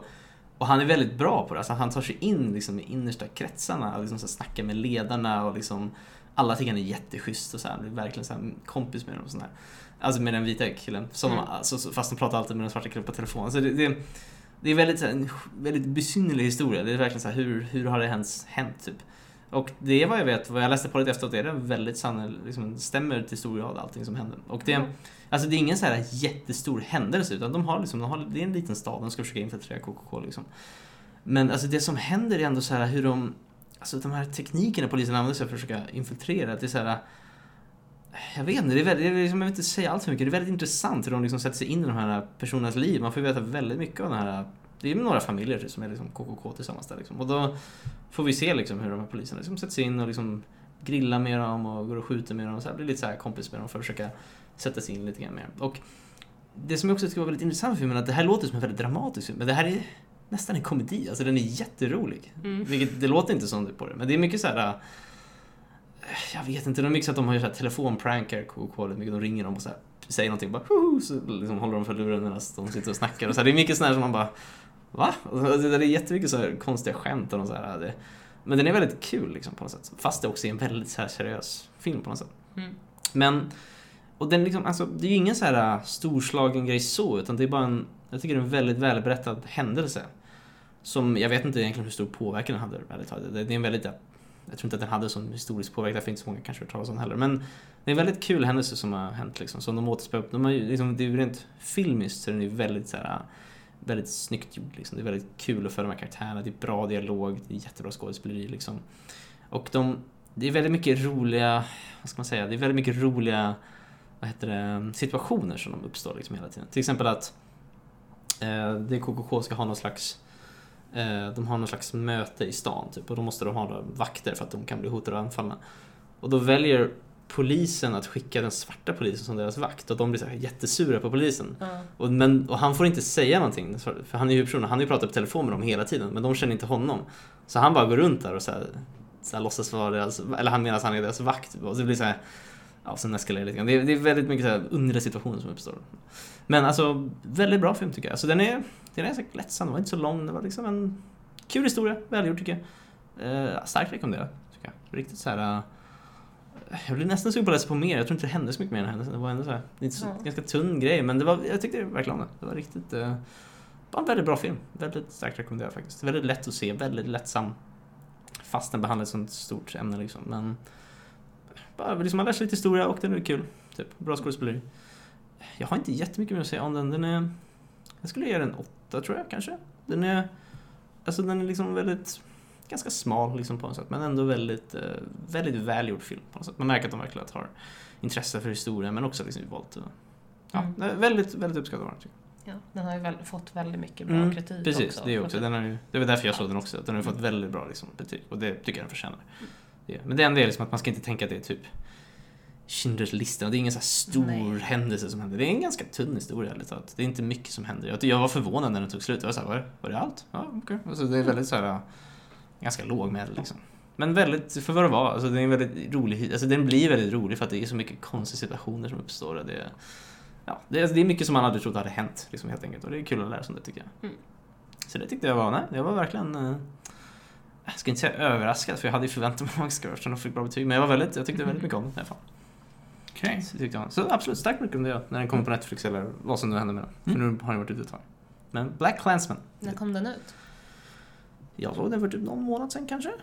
Två, två, tre månader Ja, det inte, den är inte så gammal. två, tre månader? Så kanske. Ja, men två. Någon gång två sommaren. månader sedan. Jag såg någon gång i slutet av sommaren så det låter rimligt. Ja. Den går säkert fortfarande på bio. Alltså, den- men det också en väldigt kul, lättsam film liksom, tycker jag. Vilket, jag tycker alltid det är svårt att bes- konstigt att beskriva en sån del, men den är verkligen det. Vill du ge den några gäddor? Jag gav den åtta, tycker Åtta, jag. förlåt. Ja. Eh, men åtta gäddor. Den är inget mästerverk, men det är alltså absolut en väldigt bra film, tycker jag.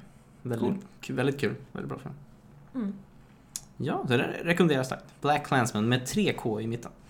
Black K Clansman. Som ett ord. Black K Clansman. Mm. Mm. Gå, Ja, gå, men gå. precis, Ja. precis. Nej, jag starkt rekommenderar. Kan vi fortsätta med mer män? First man. Right, tänkte jag inte på. Eh, jag var ju och såg en till film, det här var inte bara, bara någon vecka sedan. Uh, jag, var, jag var ju och såg den för att min mamma hade fått en sån här gratisvisning via någon reklamgrej. Så jag, jag var så här, ja gratis bio, det kan jag väl gå på.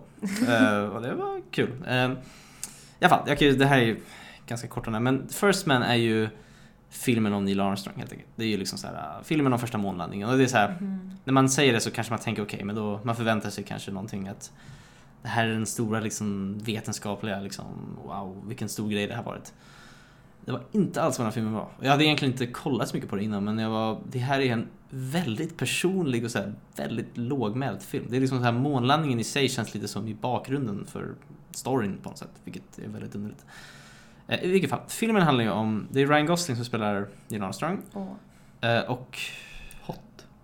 vad heter den? Eh, just det, det är Damien Chazelle också som har regisserat filmen. Det är han som gjorde Whiplash och La La Land. Så det är en väldigt bra regissör tycker jag. Eh, det här är nog hans sämsta film tycker jag tyvärr. Men det är fortfarande en bra film. Eh, det handlar ju väldigt mycket om att Neil Armstrong och hans fru, de hade ju en dotter, alltså innan han liksom tränade till astronaut. Eh, de hade ju en dotter som dog i cancer, typ blodcancer eller någonting, när hon var typ väldigt ung, liksom tre år. Och så där filmen, det är ju så filmen börjar liksom att de förlorar dottern väldigt tidigt. Och det är liksom Alltså det, det påverkar honom så mycket att förlusten av hans dotter så tidigt liksom, eh, de hade typ precis gift sig också, det var liksom, de var så unga. Det påverkade honom så mycket, nu vet jag inte exakt hur mycket det stämmer, men det fick liksom honom liksom att typ börja liksom så här, verkligen ville träna typ för NASA. Liksom att han liksom verkligen, de, de, de valde liksom när hon dog, de valde att flytta till Houston, jag tror Houston, är där, skapa, få fler barn, liksom skapa familj, vänner, liksom knyta allting för att han så här, eh, jag vet inte, han ville, liksom, ville visa att han kunde liksom klara det på något sätt. Typ. Så Mm. att han liksom så här, så filmen handlar ju väldigt, alltså klart filmen handlar mycket om att han börjar där, han ska träna, han pratar med andra astronauter, man får se lite om Apollo-uppdraget och allt det där. Vilket Jag, jag tycker sånt där är jätteintressant, det har jag så här på mycket om tidigare, så, så det var kul att se. Åh, där är Apollo 3 och 4 och alla de där som de sköt upp. Men filmen handlar inte så mycket om det egentligen, det är sånt där som typ händer i bakgrunden lite grann. Det flesta är ju liksom bara han, han och hans familj och lite grann hur de liksom ser på Ja, men liksom hur de typ mår för att de har fortfarande så de har svårt att komma över den här förlusten av dottern liksom, som liksom går igenom hela filmen. Även liksom om de har andra barn senare också så är det liksom att de alltid den här dottern liksom som kommer tillbaka och, Och det är det liksom som storyn centrerar sig kring. Men sen så, alltså det är klart, sen så åker de också till månen. Mm. För det. Men det är verkligen ingen sån här, alltså, jag tänker mig lite grann som typ Apollo 13 om ni har sett den. Så här en, det är, det är en väldigt bra film, men det är också så här, det är en typisk här, de åker ut i rymden, det händer grejer, det är en spännande thriller. Lite, lite som Gravity, fast realistiskt. Alltså det är ingen, inte alls som det. Det är liksom så att de åker ut i rymden, och det men det är väldigt, det är inte spännande på det sättet liksom. De åker runt och snackar, det är mycket mer dialog och sådär liksom. Vilket, alltså jag tycker den gör den väldigt så unik på något sätt, för jag har aldrig sett en science fiction, äh, inte science fiction, men en så här rymdfilm som är så typ ointresserad av att visa rymden. Typ. Alltså man ser inte rymden så mycket. Liksom. Månlandningen är så här. Så, Ja, det var jättekort eller? ja, det är lite i slut. Alltså, det är liksom det är en huvudgrej. Alltså, det är, visst, det är liksom mycket det handlar om, men det är liksom det, fokuset i filmen är ändå den här dottern och liksom familjens relation till dottern och Mm. Neil Armstrong som person lite grann. Eh, mitt problem med filmen är att jag tycker inte Neil Armstrong var så jätteintressant ändå. Alltså. Jag vet inte, han är ganska... Jag vet inte om han bara var så. Ryan Gosling tycker jag ofta spelar sådana här ibland karaktärer, men den är väldigt... Han säger inte så mycket, ganska lågmäld, väldigt så här äh, tyst. De har ju också Buzz Aldrin nu med och han är ju så här tvärtom, liksom så här, pratar mycket och det är också enligt historien så var det också så. Men för mig, jag vet inte, jag fick mig lite grann att eftersom nästan hela filmen bygger bara på att man ska följa Neil Armstrong, jag tyckte inte att det var så jätteintressant allt och Alltså den karaktären var inte så gripande för mig liksom, även om det var just det här med dottern och det, de hade liksom grejer där men jag liksom fastnade aldrig riktigt för Det det. är baserat på en riktig person också.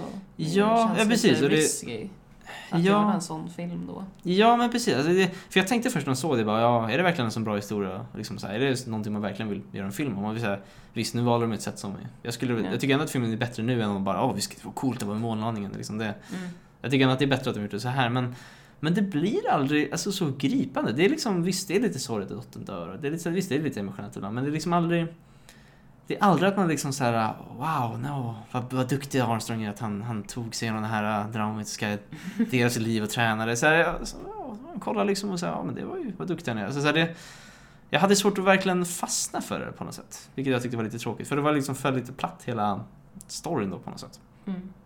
Men alltså annars, liksom, jag, annars har jag inte så mycket, liksom alla skådespelare var ändå väldigt duktiga, de gjorde en jättefint filmad, rymden är väldigt cool hur de gör det liksom, för det är också så här, de är ju helt tyst och just månlandningen var väldigt, en väldigt häftig scen tycker jag. Alltså, så här, det, det finns väldigt mycket bra här, det är en väldigt bra, alltså välgjord film. Jag tycker ändå att de visar att det är en, de är kompetenta liksom. Det är bara att jag tycker, jag vet inte om det kanske är manuset, men det är liksom, det är någonting som, det finns ingen riktig grej som griper mig i alla fall. Jag, vet- jag vet bara inte om jag kanske inte jag vill säga att jag är rätt publik för jag verkligen tycker om månlandning. Alltså jag tycker den historien är jätteintressant. Men jag tycker inte att... Jag vet inte, jag, jag blev inte gripen av filmen riktigt. Så jag det- tycker det, är, det låter lite konstigt för det är själva konceptet. För Mm. de tar ju den här personen Mm. som liksom fortfarande lever också Mm. och ska berätta hans liv. För då kan man Mm. inte riktigt göra det så dramatiskt heller. Som Nej. det kanske borde vara i filmer. Och Mm. man måste vara väldigt respektfull till den här personen. Jo, precis. Och det var säkert så mycket med familjen, men... Jag vet jag, tycker, alltså jag kan liksom inte komma ihåg hans karaktär riktigt. Han hade Ja. verkligen inte mycket att säga på något sätt. Och jag vet inte, jag har ingen aning om Neil Armstrong, Neil Armstrong var på riktigt, hur han... Han var- var väldigt låg med, han kanske var det. Liksom. Men, Ja. men det får mig ändå så här att det blir en väldigt... Vad ska man säga? Typ en liten, in, inte instängd, men så här, det är en väldigt tysk karaktär som man inte... Jag vet inte, alltså det, jag, liksom, jag försökte så här, men jag, jag kanske... Nej, jag känner inte så mycket för den här personen. Alltså, jag, liksom, jag tycker inte att det är så gripande på något sätt. Jag är lite nyfiken på, nu har ju du sett mycket film på sistone, som, eller på sistone, de senaste avsnitten har du pratat om filmer som handlar om riktiga händelser och riktiga människor. Mm. Men att du har pratat om Dunkirk, du har pratat om den här filmen om konståkerskan, du pratar om Right. Black Clansman. Mm. Och det är ändå så här, filmer baserat på verklighet, Mm. rakt av nästan. Eh, vissa har tagit sig lite mer friheter än andra. Men den här, som ändå ska vara väldigt rakt av. Ja, den är ju väldigt... jag Tror du att det kan bero på att Neil Armstrong och hans historia inte är överdrivet intressant bara? Tycker nästan det. Alltså, så för att de, hela fokuset ligger ju på det här med dottern. Alltså dottern är verkligen huvudelementet där, att de förlorar dottern. Men säg att vi bytte ut Neil Armstrong Ja. mot en annan person som förlorar en dotter på samma sätt. Ja, men så, i, Hade filmen men typ lidit av det? Om du bytt ut karaktären? Du byter ut Neil Armstrong mot Ja. en annan dude som jobbar på något liknande men han åker inte ut i rymden. Och sen har han förlorat sin dotter i leukemi på samma sätt. Vad skulle filmen lida av det? Är Neil Armstrong det som drar? Nej. Det är det, jag tycker inte det överhuvudtaget. Jag, jag jämför med de filmer du säger, till exempel i I, Tonya, så Mm. skit. Den filmen byggdes ju helt också på hennes karaktär, men det var en så otroligt intressant person och händelse. Och absolut, jag tycker månlandningen, liksom, som sagt, det är jätteintressant. Men hon var en sån... Det var liksom en händelse som man bara, det här borde de verkligen göra film om. Men det här var så här...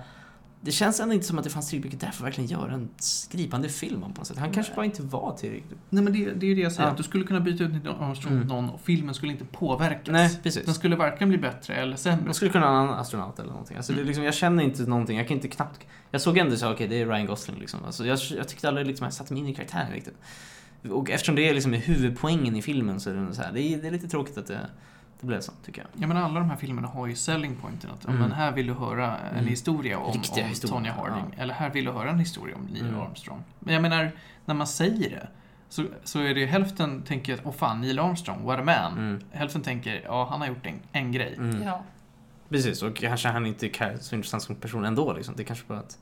Det var inte Det bara han som gjorde det liksom, han var ju med. Alltså, det var ju många som gjorde det här liksom. Man får ju också, man får ju också följa många andra karaktärer ska jag säga. Och de många är, det är väldigt många skådespelare jag känner igen. Inte att jag kan namnet på alla, men det är många så ansikten man känner igen. För det är väldigt många astronauter som tränar också. Men alltså filmens fokus var ju inte månlandningen utan det var mannen Ja, som det var ju precis, det var ju han. Och jag tyckte inte att den, jag tycker inte den karaktären höll för att, inte för en hel film liksom. Det var inte tillräckligt intressant för mig. Vill du ge den några gäddor? Jag har tänkt på det, jag, jag ger den en sexa. Alltså jag tycker att den är... Okej. absolut sevärd. Alltså så här, den är ändå en hyfs, det är en intressant historia, absolut. Alltså så här, det är liksom det. Det är ändå en väldigt så här, vetenskaplig, det är coolt att se. Och det är väldigt snyggt, väldigt bra skådespelare. Alltså skådespelarna är jätteduktiga. Eh, och väldigt så här. äh, Det är ändå så intressant, jag har aldrig sett en sån lågmäld rymdfilm någonsin typ. Alltså så här, det var verkligen, det var ändå intressant. Men jag tyckte inte det funkade helt. Men Alltså jag skulle ändå säga att det är värt att se. Alltså kanske inte att man ska springa ut till bio men det går på Netflix. Det känns som att den skulle passa bättre som en dokumentär. Så Ja, kanske. Det finns säkert massor, jag har ingen koll faktiskt. Men, Mm. Jo men precis, alltså det känns lite så här. Det här är en sån historia jag inte tycker var tillräckligt inte, intressant för att göra en film. För det är mycket så ibland tycker jag också när de gör historiefilmer om så här, vad är det verkligen, är det verkligen händelsen tillräckligt intressant? Och ibland är det så. Men ibland så är det så här, nej, de, det räcker med en dokumentär eller liksom, det behövde inte göra, det var inte en sån intressant grej att berätta om tycker jag. Mm. All right. Och det tyckte jag var fallet här. Mm. Mm. Jag har inte så mycket mer att säga. Det var... ja, Se den. Alltså den var inte dålig men Mm. förvänta inte Apollo 13. First Man med Ryan Gosling alltså. Mm. Av Damien Chazelle. Cool. Hans tidigare filmer är ju för sig väldigt bra tycker jag. Så de ska man absolut se. När, eh, när är den filmen från? Var det i år? Ja, ja, det var bara någon... Ja, jag såg den för typ två veckor Den- sedan eller den någonting. går fortfarande Den går på bio. bio. Finns posters. Ja, Jag såg den för typ två, två veckor sedan någonsin, Mm. kanske. Så ja, alltså den är... Jag vet inte, jag klagade inte så mycket eftersom vi ser den gratis så jag tackade och så gick jag därifrån. Mm. Men... eh, ja. Nej men absolut, det- jag ska se om det tycker jag. Ja. Grymt. Vi går vidare. Eh, hur länge hade vi tänkt köra? Nu har vi kört i en och en halv timme. Så en halvtimme till eller? I guess. Mm. All right. Om det funkar för er. Mm. Ja. Eh, ja, då tänkte jag att vi kunde hoppa från män till lite mer kvinnor Mm. och feminism. Jaha. The Chilling Adventures of Sabrina. Är det Sabrina tonårshäxan? Ja! Okej. det är den här Netflix-grejen eller? Ja! Jag Ja. såg den och bara, Jag såg, fan. jag, jag såg en trailer också bara. Det är så jävla skillnad från tv-serien. Ja, eh, och jag har suttit och väntat på den här serien för jag, jag brukar gå in på YouTube och kolla på massa så här trailers för vad som ska komma. Ja. För ja, jag vill bara se på massa saker och det finns typ aldrig någonting på Netflix. Och så ser jag det bara 26 oktober. Det har ju varit. Ja, Ja, precis. Ja, men den Så- kom ut härom... härom. Det är så nytt alltså? Ja, ja, Ja. Den är superduper jag såg den samma dag, eller jag såg halva serien typ samma dag som den kom Ja. ut och resten dagen efter. Hur lång är den? Ehm, det är typ 10 avsnitt. Okej. Jag tror det kommer komma en till säsong också, Mm. för de avslutade det på ett sånt där sätt. Men i alla fall, det här är av producenterna som gjort Riverdale också. Mm. Till Netflix. Har någon av er sett dem? Nej, alltså jag, Jag har vet sett det. Ja, precis. som- Jag vet vad det är. Då vet ni också att det är baserat på de här Archie Comics, Mm. egentligen. Nej, eller... Visste du inte att det var baserat på Acke? Jag vet inte vad Aki... Har du alltid läst Acke? Jag visste inte heller vad det var, eller Nej, Jughead. vad är, vad är, vem är Aki? Acke var, oh, han var en jättestor serietidning eh, i, alltså när våra föräldrar var små. Mm. Det handlar om liksom tonåringar som gör tonårsgrejer. Första animerade och låtsasbandet någonsin. Archie and the... Pussycats? Pussycats kanske de hette. Aldrig talas om det. Okej, det låter känner jag. Det var Archie. Är det den? Ja. Oh my god. Vänta, när snackar vi nu? Är det typ 70-tal? Nej, nej, nej, gud nej. Det är typ sex, tidigt 60-tal. Jag, jag, jag får siffran 63 i huvudet. Det är en gissning. Mm. Skyll inte på mig. Men det här, så det här är way back. Aldrig talas om det. Acke, vad fan. Jag läste Acke på fritids. Det var liksom våra fritidsledare hade liksom högar med Acke vi kunde ligga och läsa. Acke och Kalanka. Men Acke var mycket bättre. Nej, alltså jag, jag har ju Archie. ingen, Jag kan inte ens föreställa mig hur Nej, det okej. är från det. okej. Jag har aldrig sett typ någonting från Archie Comics heller. Jag har bara sett lite online, så här, några strips. Och jag har sett så här hur karaktärerna egentligen ska vara. Mm. Och de är inte alls så i serien. För där har de bara valt att ta in några av, eller karaktärerna som Mm. finns där. Nu visar jag en bild på hur Archie Mm. ser ut här. Aldrig sett det här i mitt liv. Alltså jag, jag kan inte känna igen Vad ansiktet. är detta? Mina föräldrar, vänta vad sa du, 63? Ja men, äh, nu Mina föräldrar. jag. Nu ska vi Noll googla. år. Nu ska vi googla när Archie kom ut. Det är säkert så, åh, han kom ut 70-talet. 41. 41! 41 kom Archie ut. 41. Ja, Archie Comics bildades 39. Så Fyra. Etta. Det var ju innan andra världskriget, så gammal Ja, Jävlar. och det handlar som sagt om tonåringar som gör tonårssaker. Vad handlar Riverdale om? Det är du! Vänta. Det är inte bara tonåringar som gör tonårssaker kan jag säga. Okidå. Vänta, Archie byggde, Riverdale byggde på Archie? Ja, det gör det. Inte Sabrina? Eller nu blev jag Nej, fel. nej, nej. nej. Sabrina är sa- eh, Okej, okej. Sabrina Jag vill är... höra om Riverdale. Okej, det här blir både... den jävla häxan. Det här blir både... Oj, förlåt, förlåt, förlåt. Det här blir både Riverdale och Sabrina Teenage Witch, för det är väldigt mycket jag har att säga om båda. Mm. För det är samma producenter som gör båda de här, och då var jag inställd och bara åh, jag måste se Sabrina, det kommer... Jag vet, jag vet inte vad jag ska expect alls. Men du tycker om Riverdale? eller? Nej, Nej, okej. jag, jag följer den jättemycket. Men den är inte bra. Den är inte bra alls. Men jag, följer, jag tycker om den för att eh, scenerna är typ fina. Mm. Eh, och eh, de har så här fina, fin atmosfär, det är fina färger och typ allt det där och det är, så här lite, det är lite charmigt. Det finns en så här poppis restaurang som de alltid går till och det är så här hamburgare och milkshakes och sitter jag där och bara åh, det där vill jag ha, det där ser jättemysigt ut. Men den är så dålig. Tonåringar som gör tonårssaker. Dricker milkshake. Alright. För saken är, det är så dramatiskt. Och karaktärerna är inte alls så som de ska vara i The Comics. För där är de, de är så här bara lite glada, de gör tonårssaker. I den här då är de så här lite gritty och Oh, eh, det är så här äh, äldre personer som spelar tonåringar. Ja, det är alltid, Ja, exakt. alltid bra. Fan Det är heter han? America. Nu ska jag ta reda på det. Det Men- finns en karaktär i Acke som heter Sopprot. eh, Som jag inte vet vad han heter på, på engelska. Är Är bara det. Jughead? Jughead kanske han heter, ja. För han, han är ju så här, inte alls romantisk alls i serien och han, det har blivit så här. äh, Ja, det är Jughead jag tänker mm, på. nu i moderna tider också i Mm. The Comics, han är så här asexuell. Vänta, finns serien fortfarande? Va? Ja. För alltså, han har varit det typ hela tiden i The Comics. Han mm, gillar inte alls att pussas eller någonting. Vänta, jag måste fråga, den här serien är från- sedan 39 och den går fortfarande. Ja. Mm. Här har du det. What? Jughead. Vad det grej. Men jag, Alltså- jag vet att han inte är liksom snubben som gillar brudar, men att han, här är alltså en, def, en definierande, ett karaktärsdrag att han är asexuell. Alltså nu i The Comics, Okej, i de här moderna, så Okej. är det så. Han har en flickvän i serien. Och eh, han är lite mer gritty, han gillar att skriva om så här saker som hänt i den här staden Riverdale. Och han är alltid så här introrösten till typ serien bara In our Oh. small quaint town of Riverdale. Gud. Ja, ja. Och eh, sen så är det typ han och eh, Betty som hela tiden, det är typ hela tiden murder mystery för att eh, först, i första säsongen I Riverdale? Ja, Jaha. i första säsongen då Okej. så finns det eh, vad heter de? Vad heter Cheryl efternamn?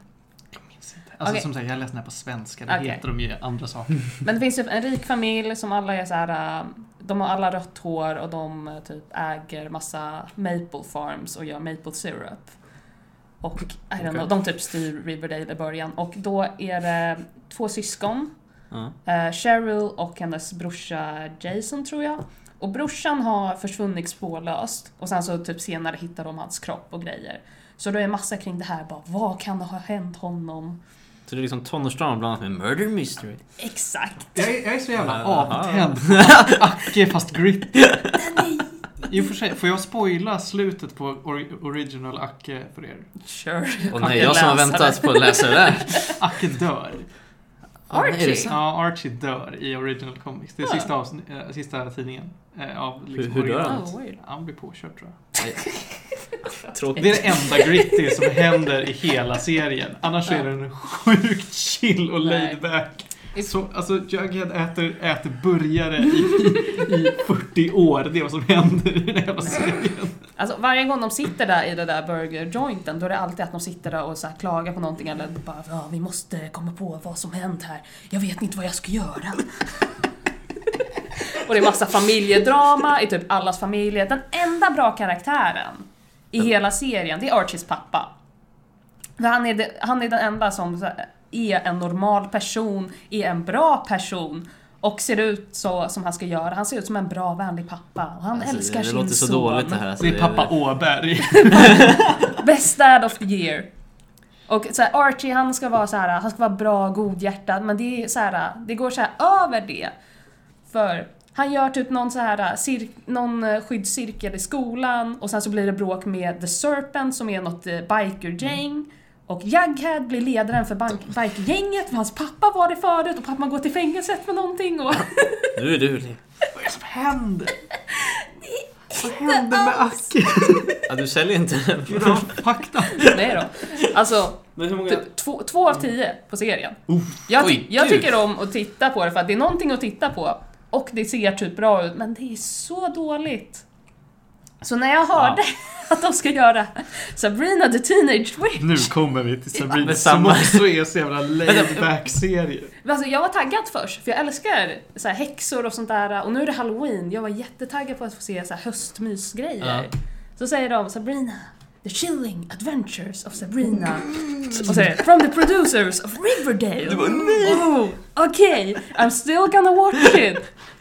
I'm not gonna have high expectations. Nu ska vi säga så här. Sabrina the Teenage Witch, det är ju en gammal... Jag vet inte om det var en...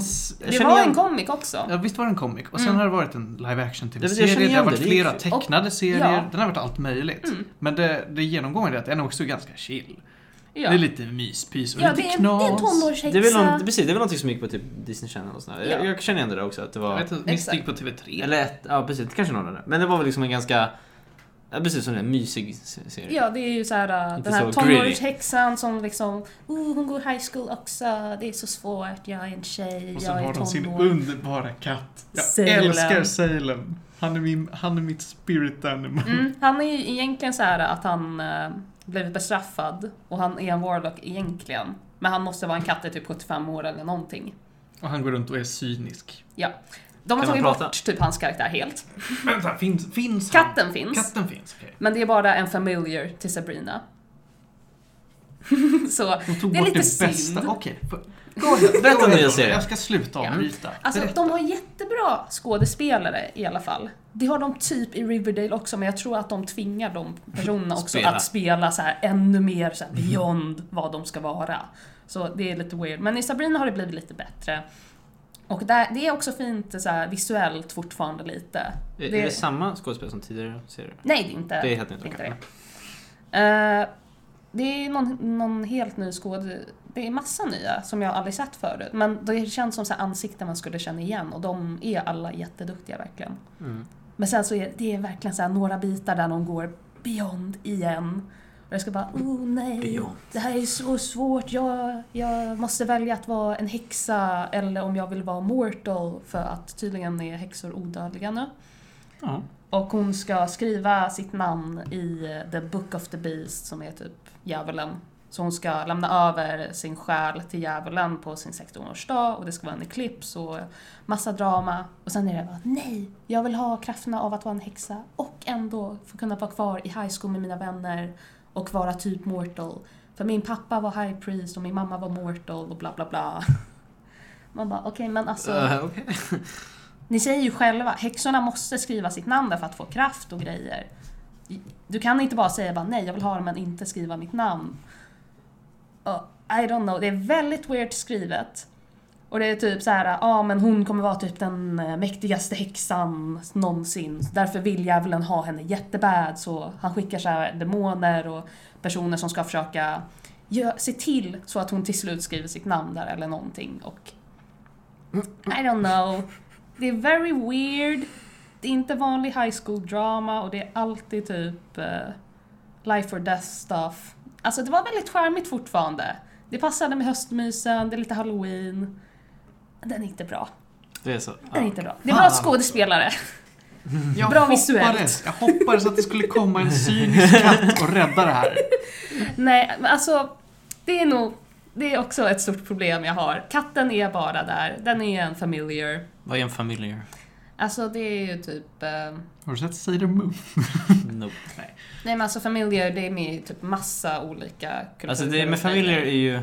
Nu ska vi se, det här kan jag från typ Skyrim eller någonting. jag. Det är väl någonting du framkallar eller? Ja, tänk att du har en Wolf- side... Wolf Familiar, Här, här jag. funkar det typ, det är en sidekick Ja. i form av ett djur. Ja. Just det. Exakt. Ja, jag- Ofta ja, så är det Ja, så, eller så är ens själ bunden till den yada yada. Här så är det typ en, eh, en goblin som kan bli något djur som häxor typ ska ha ett samarbete med eller det ska vara deras servants eller någonting. Okej. Hon går ut i skogen och bara ah, Slå lite mindre i bordet Ronja. Sorry. Hon går ut i skogen och bara ah, vill någon bli min familiar så kom till mig bla bla bla. Det dyker upp en katt och säger ja, då jag kommer vill. I heard you calling in the forest for me. Och så kommer det fram en liten katt. Och bara mjau. så är han där och hjälper henne lite. Någon, och eh, tröstar henne. Och ja, så vad vi kan säga är att om man vill se Sabrina the Teenage Witch, titta på någon av de andra fem miljarder-serierna. alltså jag vet, jag vet inte hur bra de är egentligen heller i så här, nutid. Men, och de är ju så här, väldigt långa serier. Ja, Sitcom Sabrina är ju fan ett... Det tar ett år att kolla igenom alla avsnitt. Ja, tecknade Sabrina är ju också hur lång som helst. Hur mycket, hur mycket finns det? verkar finnas en del Alltså, det, här är jätte, det här är jättepopulärt. Det är så? Ja. Alltså, det har varit en jättegrej som folk har gjort pengar av. Mm. Men det finns ingen modern version förutom den här senaste. Mm. Och nu har de gjort den så här lite gritty Jo. också. Eh, Sabrina the Teenage Witch sitcom Hej gick i fyra år. Mm. Mm. Första avsnittet, 17 miljoner tittare kollade på det här. 17 Den var miljoner. populär. Oh, boy. 96 till 2000, så att den är lite gammal. Oj, det var ganska gammal. Det finns sju säsonger ser det ut som. På fyra år? Nu ska vi se här. Ja, eh, ja precis. Sju säsonger på fyra år. Finns också tre filmer kopplade till de det här. Är är ni med då? Håll i hatten. Okej. 163 avsnitt och tre filmer. Det är väldigt långa säsonger. Wow. Men sådana sitcoms är ju alltid minst så här 25 avsnitt eller sånt. Men typ, Mm. Fast det här var mycket mer än det. Vad sa du? 100? 163 avsnitt. Det var väldigt många avsnitt per säsong. Ja. Gud. Men den är fan mysig. Ja, har du något... Vill du ge något betyg till den också då? Har du Mm, gett den? alltså... Kanske fem? Maybe? Alltså, Det är inte jag, jag, helt värdelöst. nej, jag kommer ju Vänta fortfarande... nu, nu såg du två av tio på Riverdale och fem av tio på Sabrina. Ja, Riverdale är skitdålig. Okej. Den är ändå bättre än här. Den är Okej. way better than Riverdale. Okej. Alltså Riverdale kan jag inte rekommendera till någon typ. Det är mest bara så här bakgrunds... eh, Men där Brus. rekommenderar vi Acke. Läs Acke. Alla... Vad blir det? 80 år av material. Hej Ja. mormor, vill, know. du- vill du läsa Acke så go ahead. Jag var ändå så här taggad för den här serien så... Och jag... I enjoyed it. Mm. Det var väldigt kul att se massa... Massa, vad heter det, witchy stuff Mm. och det var väldigt skön atmosfär. Så det Ja, är fem är fortfarande ju inte... Det är ändå helt okej. Det är inte Mm. värdelöst. Coolt. Ja, bra. Så ja. Det var spännande. Jag är glad att vi tog upp Riverdale och kom Ja. in på Acke och grejer. Det känns bra. Ja, du vet jag inte. Jag har gått- jag har scrollat förbi den fram på Netflix och bara... Mm. Nej, och så går jag vidare. Men du vet, jag ska fortsätta sen. Ja, fortsätt så. Ja, okej. De har väldigt kul, roliga kläder också i Riverdale och det är typ alltid Cheryl som är så här uh, rich bitch. Roliga kläder. Ja men alltså det är snygga kläder. Och hon, Cheryl är så här... Tänk på uh, när det utspelar sig. Jag vet inte snarare, vad var det? det utspelar sig i moderna tider. Vänta, va? Ja, det är modern. Ja, det visste jag inte. Vänta, jag antar att Jag Archie... tror, men de sitter på en jävla burger joint och dricker Ja. frappuccino. Ja. Det, det finns ju fortfarande burger joints i moderna tider. Jag har inte tänkt på det. Ja, det kanske är en grej. Att det finns massa såna här Det är faktiskt- 50-talscaféer. Men faktiskt, när jag scrollat förbi så tycker jag att det, det ser ut som på bilden att de sitter på något café. Då Mm. tror jag att det, men det är väl någon så här 50-60-tal, för det är väl som man gjorde på den tiden. Typ. Nej. Ja, ja, Fuck okej. det här alltså. Jag- jag- jag- Nej men i alla fall, Cheryl, hon är så här very special. Hon älskar, hon har alltid rött för hon, det är typ hennes familjs färg eller någonting. Och därför är det hennes Var det hon med pris. lönfarmen? ja, exakt. Och hon är ju the bitch in school och sen så blir, det, blir hon typ lite mer vänner med de andra men hon är ju fortfarande Mm. så här snobbig. Eh, Och jag typ älskar det, hon spelar jättebra och det är, det är så mycket bara hennes karaktär. Snobby bitch. En line för beskrivningen. Men hon är så extra också hela tiden för någon säsong då är det typ någon mördare on the loose. Eh, The Black Hood heter han. Och så kommer han till hennes hus och hon bara "Ah!" Springer iväg. Och sen så liksom springer hon ut. Eller kommer hon ut och han är där ute. Så får han en pil i sig. Så står hon där i så här Red Riding Hood kläder och är en jävla archer och bara jag kommer inte missa nästa. Va? Va? The fuck. Okej. Jättedåligt. Okej. Nej, jag ska inte kolla på den. Jag, jag, jag ska göra Kläderna är great. Nu läser vi Jacke. Det är ju nästa år 80-årsjubileum i så fall. Ja. Okej. Vad det var? 39? Mm. Mm. Ja, fast det var ju, serien kom ju ut 41. Det var Ah. själva eh, seriebolaget som grundades. 39. Jaha, okej. okej. Okej, snart. Nåväl, vi går vidare Ja. på agendan. Vi går vidare. Vi går till något helt annat från fucking Riverdale. Ja, från gritty till kanske, jag gissar att det här är high fantasy, Gwent. Ska vi snacka om den då? Ja. Vi backar till fantasy. Tillbaks. Ja. Ehm, ja, nu pratar vi om Gwent. En- Det, det här är, jag, jag har ju snackat om Gwent ett antal gånger känns det som. Men Jag kommer inte ihåg det jag har alls. för mig att vi har snackat om Gwent. I alla fall en... Nej, vi har pratat om Gwent vet jag. Det finns saker som Medis Radio alltid pratar Ja, om. och det är Gwent och Pokémon Go. Och Zero Escape. och Zero Escape. Ja. I vilket fall, Gwent, bara för att recapa det igen, är ju såklart Witcher 3 är ett fantastiskt bra spel, tycker jag, som släpptes 2015. I det så fanns det ett litet kortspel, som var bara ett litet spel man spelade med alla, som alla i den här världen bara Play some round of Gwent! Varenda karaktär var så här. du kan typ lösa konflikter genom att spela Gwent. Det är någon sån här quest, du ska så här, befria en snubbe ur en bur och så ska du prata med vakterna. Du kan du så här, välja på muta, slåss eller spela Gwent. Typ. Det- finns ett quest, så kan du bara om Ja, seriöst. If I win in Gwent, you'll release him bara You can't beat me, så bara börjar musiken bara så så här, det, det, Och det var verkligen så här, när jag väl spelade, det var verkligen beroendeframkallande. Det var för att det var så kul, för man har ju däck i det spelet och samla kort och sådär. Så Just man köper här- kort. Var det här som de gjorde ett eget spel Ja, precis, precis. för? Okej. Det blev så populärt att det här, är- jag vet inte om det stämmer, men ryktet för att CD Projekt Red sa hela tiden nej, vi tänker inte göra Gwent, nej, det, det är bara ett litet kortspel. De sa det jättelänge. Och sen så till slut, jag vet inte om de bara gjorde det för, jag vet inte. Men till slut så sa de att de bara okej, vi, vi måste göra det. För att alltså, fansen, de säger hela tiden att ni måste göra det till spel. Mm. Så det var ju, nu tror jag nästan det är typ två år sedan, det är ganska länge sedan, de släppte Gwent, The Witcher Card Game i Closed Beta. Eh, och då var det ganska svårt, det kom inte ihåg innan jag fick inbjudan på det. Men i alla fall, så jag har ju ändå spelat det sen en bit in på stängda betan. Och då var det väl ganska hyfsat likt hur spelet var i Witcher 3. Mm. Nu idag, efter två år, de har gjort väldigt mycket ändringar. Så det är verkligen... Ja, det, är- det är helt annorlunda. Det är jätteannorlunda. Konce- Ja, det släpptes ju för, är ju... vad är det, mindre än en vecka sedan? Ja, typ exakt en vecka sedan tror jag. Förra tisdagen Okej, var det. Ja. okej. Då gick den officiellt ur betan. Samtidigt att de släppte single player-delen ish. Det, det är lite underligt. Men det heter ett separat spel också som heter Thronebreaker The Witcher Tales. Som också är Gwent typ, men, men single player. Uh, jag, jag, jag tänker egentligen snacka lite om båda, men jag, jag kan bara säga att Gwent har... Jag, vet, jag har inte spelat jättemycket, varken kampanjen Jag har spelat dem båda en del, men inte för att jag verkligen blivit bra på det känner jag. Men det är, det är nästan helt annorlunda. Från, alltså såhär, de har gjort om väldigt mycket. Alltså såhär, grundkonceptet med Gwent är en som vanligt att du spelar tre rundor. Alla kort du har har en speciell styrka, typ. Och du spelar ett kort per, liksom per, vad ska säga, inte runda, men du spelar ett kort och sen spelar motståndaren kort. Och man har tio kort från början. Den personen som har mest poäng gemensamt med sina kort vinner den rundan, men sen är det bäst av, bäst av tre. Så det är liksom att du har samma kort genom alla rundorna också. Aha. Eller du, du drar lite extra kort, men du har liksom ändå samma hand liksom. Eh, och då handlar det om att vinna bäst av tre och då är det så här, du har lite olika rader, du kan, nu finns det väldigt mycket saker du kan göra. Du kan liksom slå på andras kort, du kan göra så här, du har en Du kan ledare. flytta områden, Ja, du det- kan det finns interagera med grejer. din lek, du kan interagera med din Ja, grav. Du kan lägga effekter på rader, du kan liksom byta ut platser på kort. Det finns, det finns alltså det är verkligen så här jättemycket. Original Gwent hade väldigt få av de grejerna. Du hade inte så, kort i original Gwent kan inte göra någonting, du bara lägger ut dem, det är bara poäng. Nu har nästan alla kort någon slags förmåga.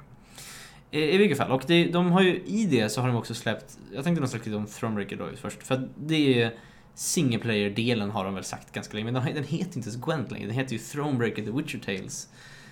Men det är Gwent, alltså det, det är helt enkelt de har gjort en, det här är ganska intressant, de har tagit en helt ny story. Det har ingenting med, jag vet Garrett säkert med någonstans, men jag har inte träffat honom.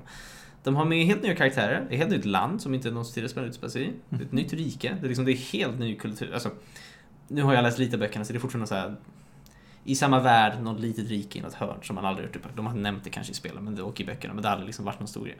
Men de har valt att hela storyn ska utspela sig här. Eh, Och spelet fungerar så här att du spelar Queen Meve, så du spelar eh, första kvinnliga spelbara karaktär i ett Witcher-spel. Eh, och du spelar en, hon är drottning för eh, Lyria, som är ett mindre rike i Northern Realm, som är världen typ där Witcher-spelet utspelar sig.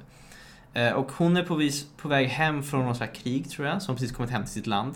Och där är det, just nu är det typ kaos, det är massa banditer som springer runt. Hon lämnade sin son i styre och eh, sonen verkar inte ha liksom skött det riktigt. Jag har inte kommit så här superlångt utan jag har liksom sprungit runt lite här och lekt, ska man kolla på alla grejer. För att det är en enormt stor karta man får så. Man bara släpps i den så bara här kan du springa runt och göra grejer. Här är main questet, här är andra tusen grejer du kan gå och göra också.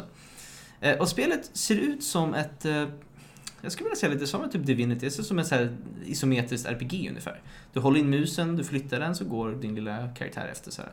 Och så, så går du runt på kartan, du kan interagera med liksom NPCer, du kan prata med, det finns ett ganska intressant dialogträd, du kan göra val där som påverkar liksom allt i voice actet. Mm. Alltså där du kan göra val i storyn som får lite olika konsekvenser. Du kan gå och liksom samla resurser så du kan göra grejer. Så det finns mycket så här, du springer på kartan och gör mycket grejer. Men grunden i det här är att det ändå är Gwent. Så varenda gång du kommer in någon slags, vad ska man säga, slag eller någon konflikt. Mm. Då blir det som en Gwent-match. Och då är det fortfarande samma liksom, ja, vad ska man säga, samma struktur som liksom, multiplayer-delen av Gwent. Men det är nästan inga kort som är likadana, helt andra kort. Eller det finns kort kanske som är samma men har olika förmågor. Det finns liksom sånt där. Och oftast har de gjort om reglerna väldigt mycket. Så, eller de har, de har liksom gjort om så att Gwent-matchen i sin tur liksom passar lite mer vad konflikten som händer. För det är mycket att du springer runt. Det är typ en gång så var det så att man sprang förbi en, en bergskant och så började det ramla stenar på dig. Och de bara ah, “Watch out Queen” typ och så bara pshum, Gwent. Och då är det att du har liksom stenkort som håller på att åka mot dig hela tiden. Och då ligger de på översta raden. Det är Yu-Gi-Oh! Men du har liksom, du har översta raden med stenkort och så underst så har du ditt drottningkort och så ska du skydda henne genom att typ offra dina män som du slänger ut och de ska så slå stenarna och bara "Uah!" We'll solve the situation using children's card games. Ja. Och så är det bara det, och det- och då har de gjort om så att det bara är en runda istället. Så det är så att de har gjort om, och det var väldigt intressant, de har gjort om så att då får du istället, de här korten kommer närmare dig, då ska du slå sönder stenarna så att de inte slår Queen Meve typ. Men alltså, det, det här är typ så här story mode men det är varje gång någonting händer så är det... En Gwent-match, precis. Men oftast har de modifierat det lite grann, scenariot, så att det blir Mm. Nu har inte jag spelat supermycket, men det är oftast så olika scenarier. Så ibland är det bara att du, ibland är det vanliga Gwent-matcher att du möter banditer och då är det så här, "Arr, då kör vi typ. Och så, det- men någon gång så ska man typ jaga ifatt några banditer, då försöker de fly från dig. Då ska du försöka, då har du så här vagnar med guld som flyr och då ska du försöka döda de korten så att du får guldet och sådär. Du får inte lämna tre stycken och sånt där. Då är jag nyfiken Felix. Är det här kul? Jag tycker det är jättekul. Jag har bara spelat i typ tre timmar tyvärr. Men jag tycker storyn är intressant. Jag är, jag är nyfiken för att det är så här. CD Projekt Red är alltid väldigt bra tycker jag på story och skriva dialog och sådär. Men det här är verkligen också igen intressant historia. Det är helt nya karaktärer men det är ändå så här. Äh, det är så pass kul att följa storyn liksom. Så här. Jag, jag är nyfiken på detta. Men det är också att du kommer till små byar, det finns liksom så här notice boards och du kan hitta quests. Det finns liksom, du kan gå runt, det finns något det var någon, någon snubbe jag pratade med som bara ah, det finns något monster i något, i något eh, eh, något slott någonstans. Så jag bara, åh, dit måste jag gå. Så han är lite ett frågetecken på kartan. Ja, det måste jag gå någonstans. Så går vi runt på den här världskartan. Men sen har du också tillgång till ditt camp som du kan slå upp när som helst. Och då har du hela så här, din resource management där, att du craftar. Du har ju, det finns tre resurser. Det finns guld, trä och män. Eller typ så här regiments. Typ. Men... Folk du kan rekrytera. Mm. Och det är de resurser du använder för att skapa kort. Masha in en Ja, men- person. Men svaret på min fråga var alltså ja, det är kul. Ja, och det är så här, det här är väldigt, det är därför jag tänker väldigt mycket, det här är lite som Starcraft-kampanjen, det här är lite grann exakt som Hyperion-skeppet lite grann. Du har ditt camp, du, kan, du, har liksom, du bygger upp ditt tält helt själv.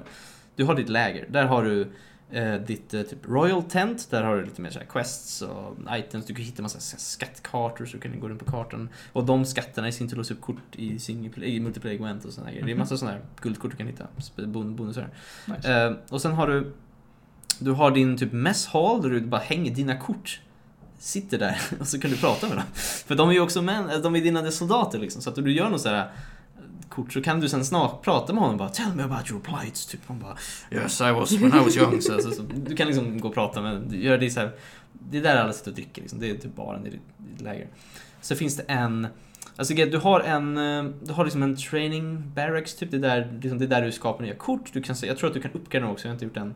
Det, och du betalar resurser för att uppgradera de byggnaderna i sig också. Mm. Sen finns det också en... eh, du kan spela, det finns någonstans ställe du kan testa dina kort, testa olika decks utan att köra. Alltså det finns liksom en, du kan crafta olika decks och sen testa dem i ditt läger mot typ andra, liksom, alltså mot en AI bara för att kolla hur bra ditt deck är innan du går in och eh, möter riktiga grejer i världen.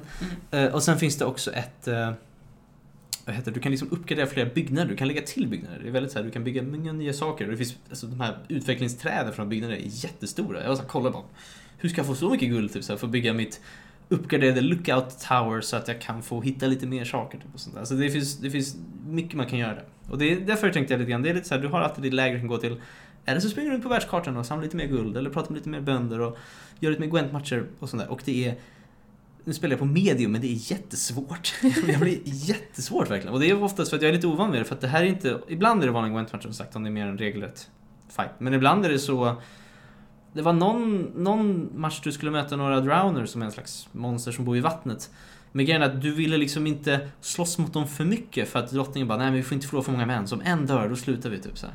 Så om ett Ja. kort försvinner så förlorar Så man bara Åh nej vad ska jag göra nu? Så måste man typ kolla för det var så här, de korten i sig var någonting att om de var jämnt antal poäng då kunde de skada motståndaren med hälften av sin styrka. Man, man bara satt och bara, om jag gör den så gör de det. Så bara, det är väldigt svårt. Så det, men det är väldigt mycket pussel på det sättet. De har gjort om det på det sättet väldigt mycket. Men alltså jag blir ändå Mm. lite taggad. Jag var inte alls taggad när jag bara, ha, de har gjort ett standalone spel Palla, jag trodde jag Mm. skulle få en gratis single player när det kommer ur betan. Nej. Men det låter ändå värt Det är, alltså, jag tycker att det är kul. Alltså just också det är en story. Alltså har verkligen, det är voice acting, det är liksom, du har dialoger, du kan göra val i dialogerna, du får olika ut, liksom, det händer olika saker när du pratar på olika sätt. Uh, nu vet jag inte jättemycket mer vad som händer där, men just också du har ditt läger, du kan liksom uppgradera din lek, du kan få bättre kort, du kan, Uh, vad heter det, du kan liksom bara att springa runt på kartan är väldigt kul och upptäcka det. Du kommer in i en liten by och så bara, "Åh, vad finns det här att göra? Kan du prata med någon person? Och så kan du liksom gå till kartan, du kan hitta några nya, du kan hitta nya Gwent-kort bara på marken. Så, så du kan, det finns väldigt mycket kul att springa runt och göra liksom. Men sen också, nu vet jag inte hur långt det är, men det känns väldigt långt. Jag har hört att de sa att det är typ 30 timmar långt eller något sånt. Men det känns, Oj. jag kan tänka mig att det är det. För att om man, alltså den här kartan man börjar på, man bara zoomar ut den och så. Alltså det blir liksom en, man, enormt stor. Ehm, och de har ju också sagt att, jag vet fortfarande inte om det stämmer, men de har sagt att de ska göra en sån här kampanj med Per Faction. Det här är bara Northern Realms. Så Jaha, så att det kommer komma en för... det ska vara en för varje har jag hört. Shit. Och det här är bara För första i så fall. Ja, men så det är därför jag säger jag vill känna att det här är väldigt likt Starcraft för att jag tycker att det är också så här, du har en single player som jag tycker är jättebra och har verkligen så bra story och det är kul att göra den. Som är väldigt annorlunda från multiplayer men ändå samma spel på något sätt. Olika kort, olika units och allt det där. Det är lite, jag får lite samma känsla av att spela här. Det är, alltså du kan spela här och inte spela Gwent multiplayer liksom. Det, det är så pass olika på något sätt tycker jag. Häftigt. Så det tycker jag, de har verkligen jobbat mycket på det liksom. Eh, och sånt där. Sen så vet jag inte hur bra storyn är sen, den kanske inte är så intressant. Jag, jag har inte liksom spelat klart den alls. Men jag är sugen på att spela mer. och så se liksom vad som händer när man kommer en bit och liksom vad säger alla, liksom, allt, allt det där liksom. Alltså det jag vet inte, det är väldigt Um, Alltså, jag, jag tycker jag, jag pratar ju väldigt mycket gott om CD Projekt oftast så jag, jag var såhär, det här kommer säkert vara bra. Så, ja, det var bra. Okej. Så jag, jag förväntar mig ganska mycket från dem nu efter att jag har spelat mycket från dem. Men jag är ändå väldigt så imponerad. Att de, för jag vet att de sa det, för sex månader sedan så sa de Eh, nu ska vi ta sex månader paus, för att de, fick mycket kritik förra vintern för att de släppte en ny patch som gjorde om väldigt mycket i spelet, som jag inte heller tyckte om. De introducerade väldigt mycket med RNG-element, som, så här, spel blev lite tråkigare tyckte jag. Och då sa de typ bara, men vi har lyssnat, ge oss sex månader typ. Och så bara gjorde de ingenting på sex månader, alltså ingen uppdatering. Mm. Och så bara släppte de det här plötsligt. Och alla sa, åh. Och nu är det fortfarande väldigt nytt, liksom, metan har inte riktigt börjat än kanske. Nej, jag, alltså jag har försökt att se vad, vad är bra Ja, och det finns jag vet inga inte heller. svar. Nej, jag vet inte heller. Det är väldigt så nytt. Men jag är ändå så väldigt optimistisk för det. Jag, jämfört med vart, jag tyckte det blivit lite sämre på senare tiden. Men nu, nu känns det som att det kommer tillbaks. De har liksom gjort ny i-energitag och sådär. Och nu så antar jag också att nu kommer vi spela lite Thronebreaker mest först, men sen så kommer man tillbaka in i Gwent multiplayer. För jag lädde den ganska mycket förut i betan. Jag tyckte det var väldigt kul. Kom upp i, vad var jag, rank 20 tror jag. Och sen. Det var De väldigt börjar spännande. väl på 30 tror jag. Jag vet inte, just nu är Ja, jag på kanske. 30 i alla fall och jag har spelat kanske 10 matcher. Ja, kanske det. Jag kommer inte ihåg. Men jag höll, höll kvar min ranking tror jag någonstans. Cool. Så det, men alltså sen som sagt, det finns också en multiplayer-del. En, en grej jag inte riktigt förstår, jag vet inte varför, men det är två separata spel. Alltså öppnar man upp Thronebreaker och så klickar på multiplayer, då bara stänger den ner spelet och öppnar upp Gwent. Kommer man in i Gwent och klickar Thronebreaker, stänger den, alltså den gör det automatiskt, men det är så här, varför förstår inte varför det bara är i, i samma spel. Jag Det är lite underligt. Men Alltså jag, jag vill inte riktigt ge något betyg för det, för jag känner att jag fortfarande inte har spelat alldeles, Jag har spelat för lite av varken multiplayer eller single player. Mm. Men jag är väldigt liksom, intresserad av. Jag tycker att de har, det är väldigt, eh, alltså den kostar inte så mycket heller. Det var typ 200, 234. 234 tror jag. Ja. Mm. Så det var inte så mycket tycker jag för liksom, om det nu är 30 timmar av underhållning eller vad det är för någonting. Jättemycket content. Ja, precis. Eh, sen är det också Northern Realms, det, är ju, det finns ju fem factions kanske. Northern Realms som är typ medeltidspersoner, typ snubbar, vanliga. Eh, Skellige som är så här, vikingar typ. En av mina favoriter. Monster som är monster, som jag tycker om. Spindlar och läskiga grejer. Eh, Skojatel. Skojatel som är eh, typ alver och dvärgar, så lite såhär militia typ. Eh, och sen så har du Nilfgaard som är stora imperiet typ som invaderar dem hela tiden, som ingen tycker om. Jag brukar säga Northern Realm som halvsnälla människor och Nilfgaard som halvonda människor. Ja, Det är inte så svart på vitt. Nej, de pratar lite roligt Nilfgaard. Men det är också, alla däck har lite olika tekniker och sådär. Men i alla fall, så de har ju, och den här kampanjen handlar ju just om Northern Realms. Så att jag vet inte om det om, alltså, för de har sagt någon gång att de ska göra en kampanj per, per liksom factions. Också som i Starcraft. Så jag vet, jag vet inte om det är planen fortfarande eller om det tar liksom ett, ett år till, hur långt, hur långt det tar mellan det här. Men eh, nu just när de släppt Gwent, det känns som att det kan bli en ljus framtid. Jag hoppas det, att det blir liksom, det blir stort och att många börjar spela och sådär. Just för att det är ju free to play också, multiplayer. Så det är bara så här. Jag tycker. Och du som spelat lite Martin, du jag har spelat du tycker lite grann. Ja, Jag tycker det är roligt. Jag tycker det Mm. ser väldigt, väldigt fint ut i De här premiumkorten när de är Ja. animerade alltså. Det är... Ja, Jag ska visa dig när vi är klara dem. It's, it's really good och musiken är amazing. Oh, det är bra. Nu så får vi ta och runda av faktiskt, för nu har vi Mm. kört två timmar. Jag kommer Ja. klippa bort lite grann, men ja, det blir två timmar. Ja. Men det var otroligt roligt att komma igång igen. Ja. Känns jätteskönt att... Och Bli vi av kom med det igenom en och hel om del det. grejer. Ja, Jag har en del kvar men... En, två, tre, fyra, fem, sex, sju. Ja, det gjorde vi ändå. Det Och det. sen så lite sidetrack. Ja, men precis. Prata om lite Acke. det Lite. Narnia. Så att eh, nästa vecka pratar vi om Kings... Nej, det gör vi inte. vi, har, vi har en hel del kvar att bjuda på. Vad det blir, det vet ingen. Mm. Vem som är här, det vet ingen. Vi får se. Vi är i alla fall på gång med att äntligen komma ut på andra plattformar än fucking YouTube. Nu är vi ju inte heller live, för att vår studio la ner. Det kanske vi pratar om en vacker dag. Mm. Men just nu så fortsätter vi väl att sända från mitt härliga sovrum. Mm. Hoppas att det lät okej, förutom att vi skrek lite där i mitten. Och så får ni ha det bäst. Eh, tack så mycket till Felix. Tack för att du var här. Tack Ronja. Tack själv. Tack Johan. Mm. Vi saknar dig. Ni får ha det underbart så hörs vi. Puss och kram.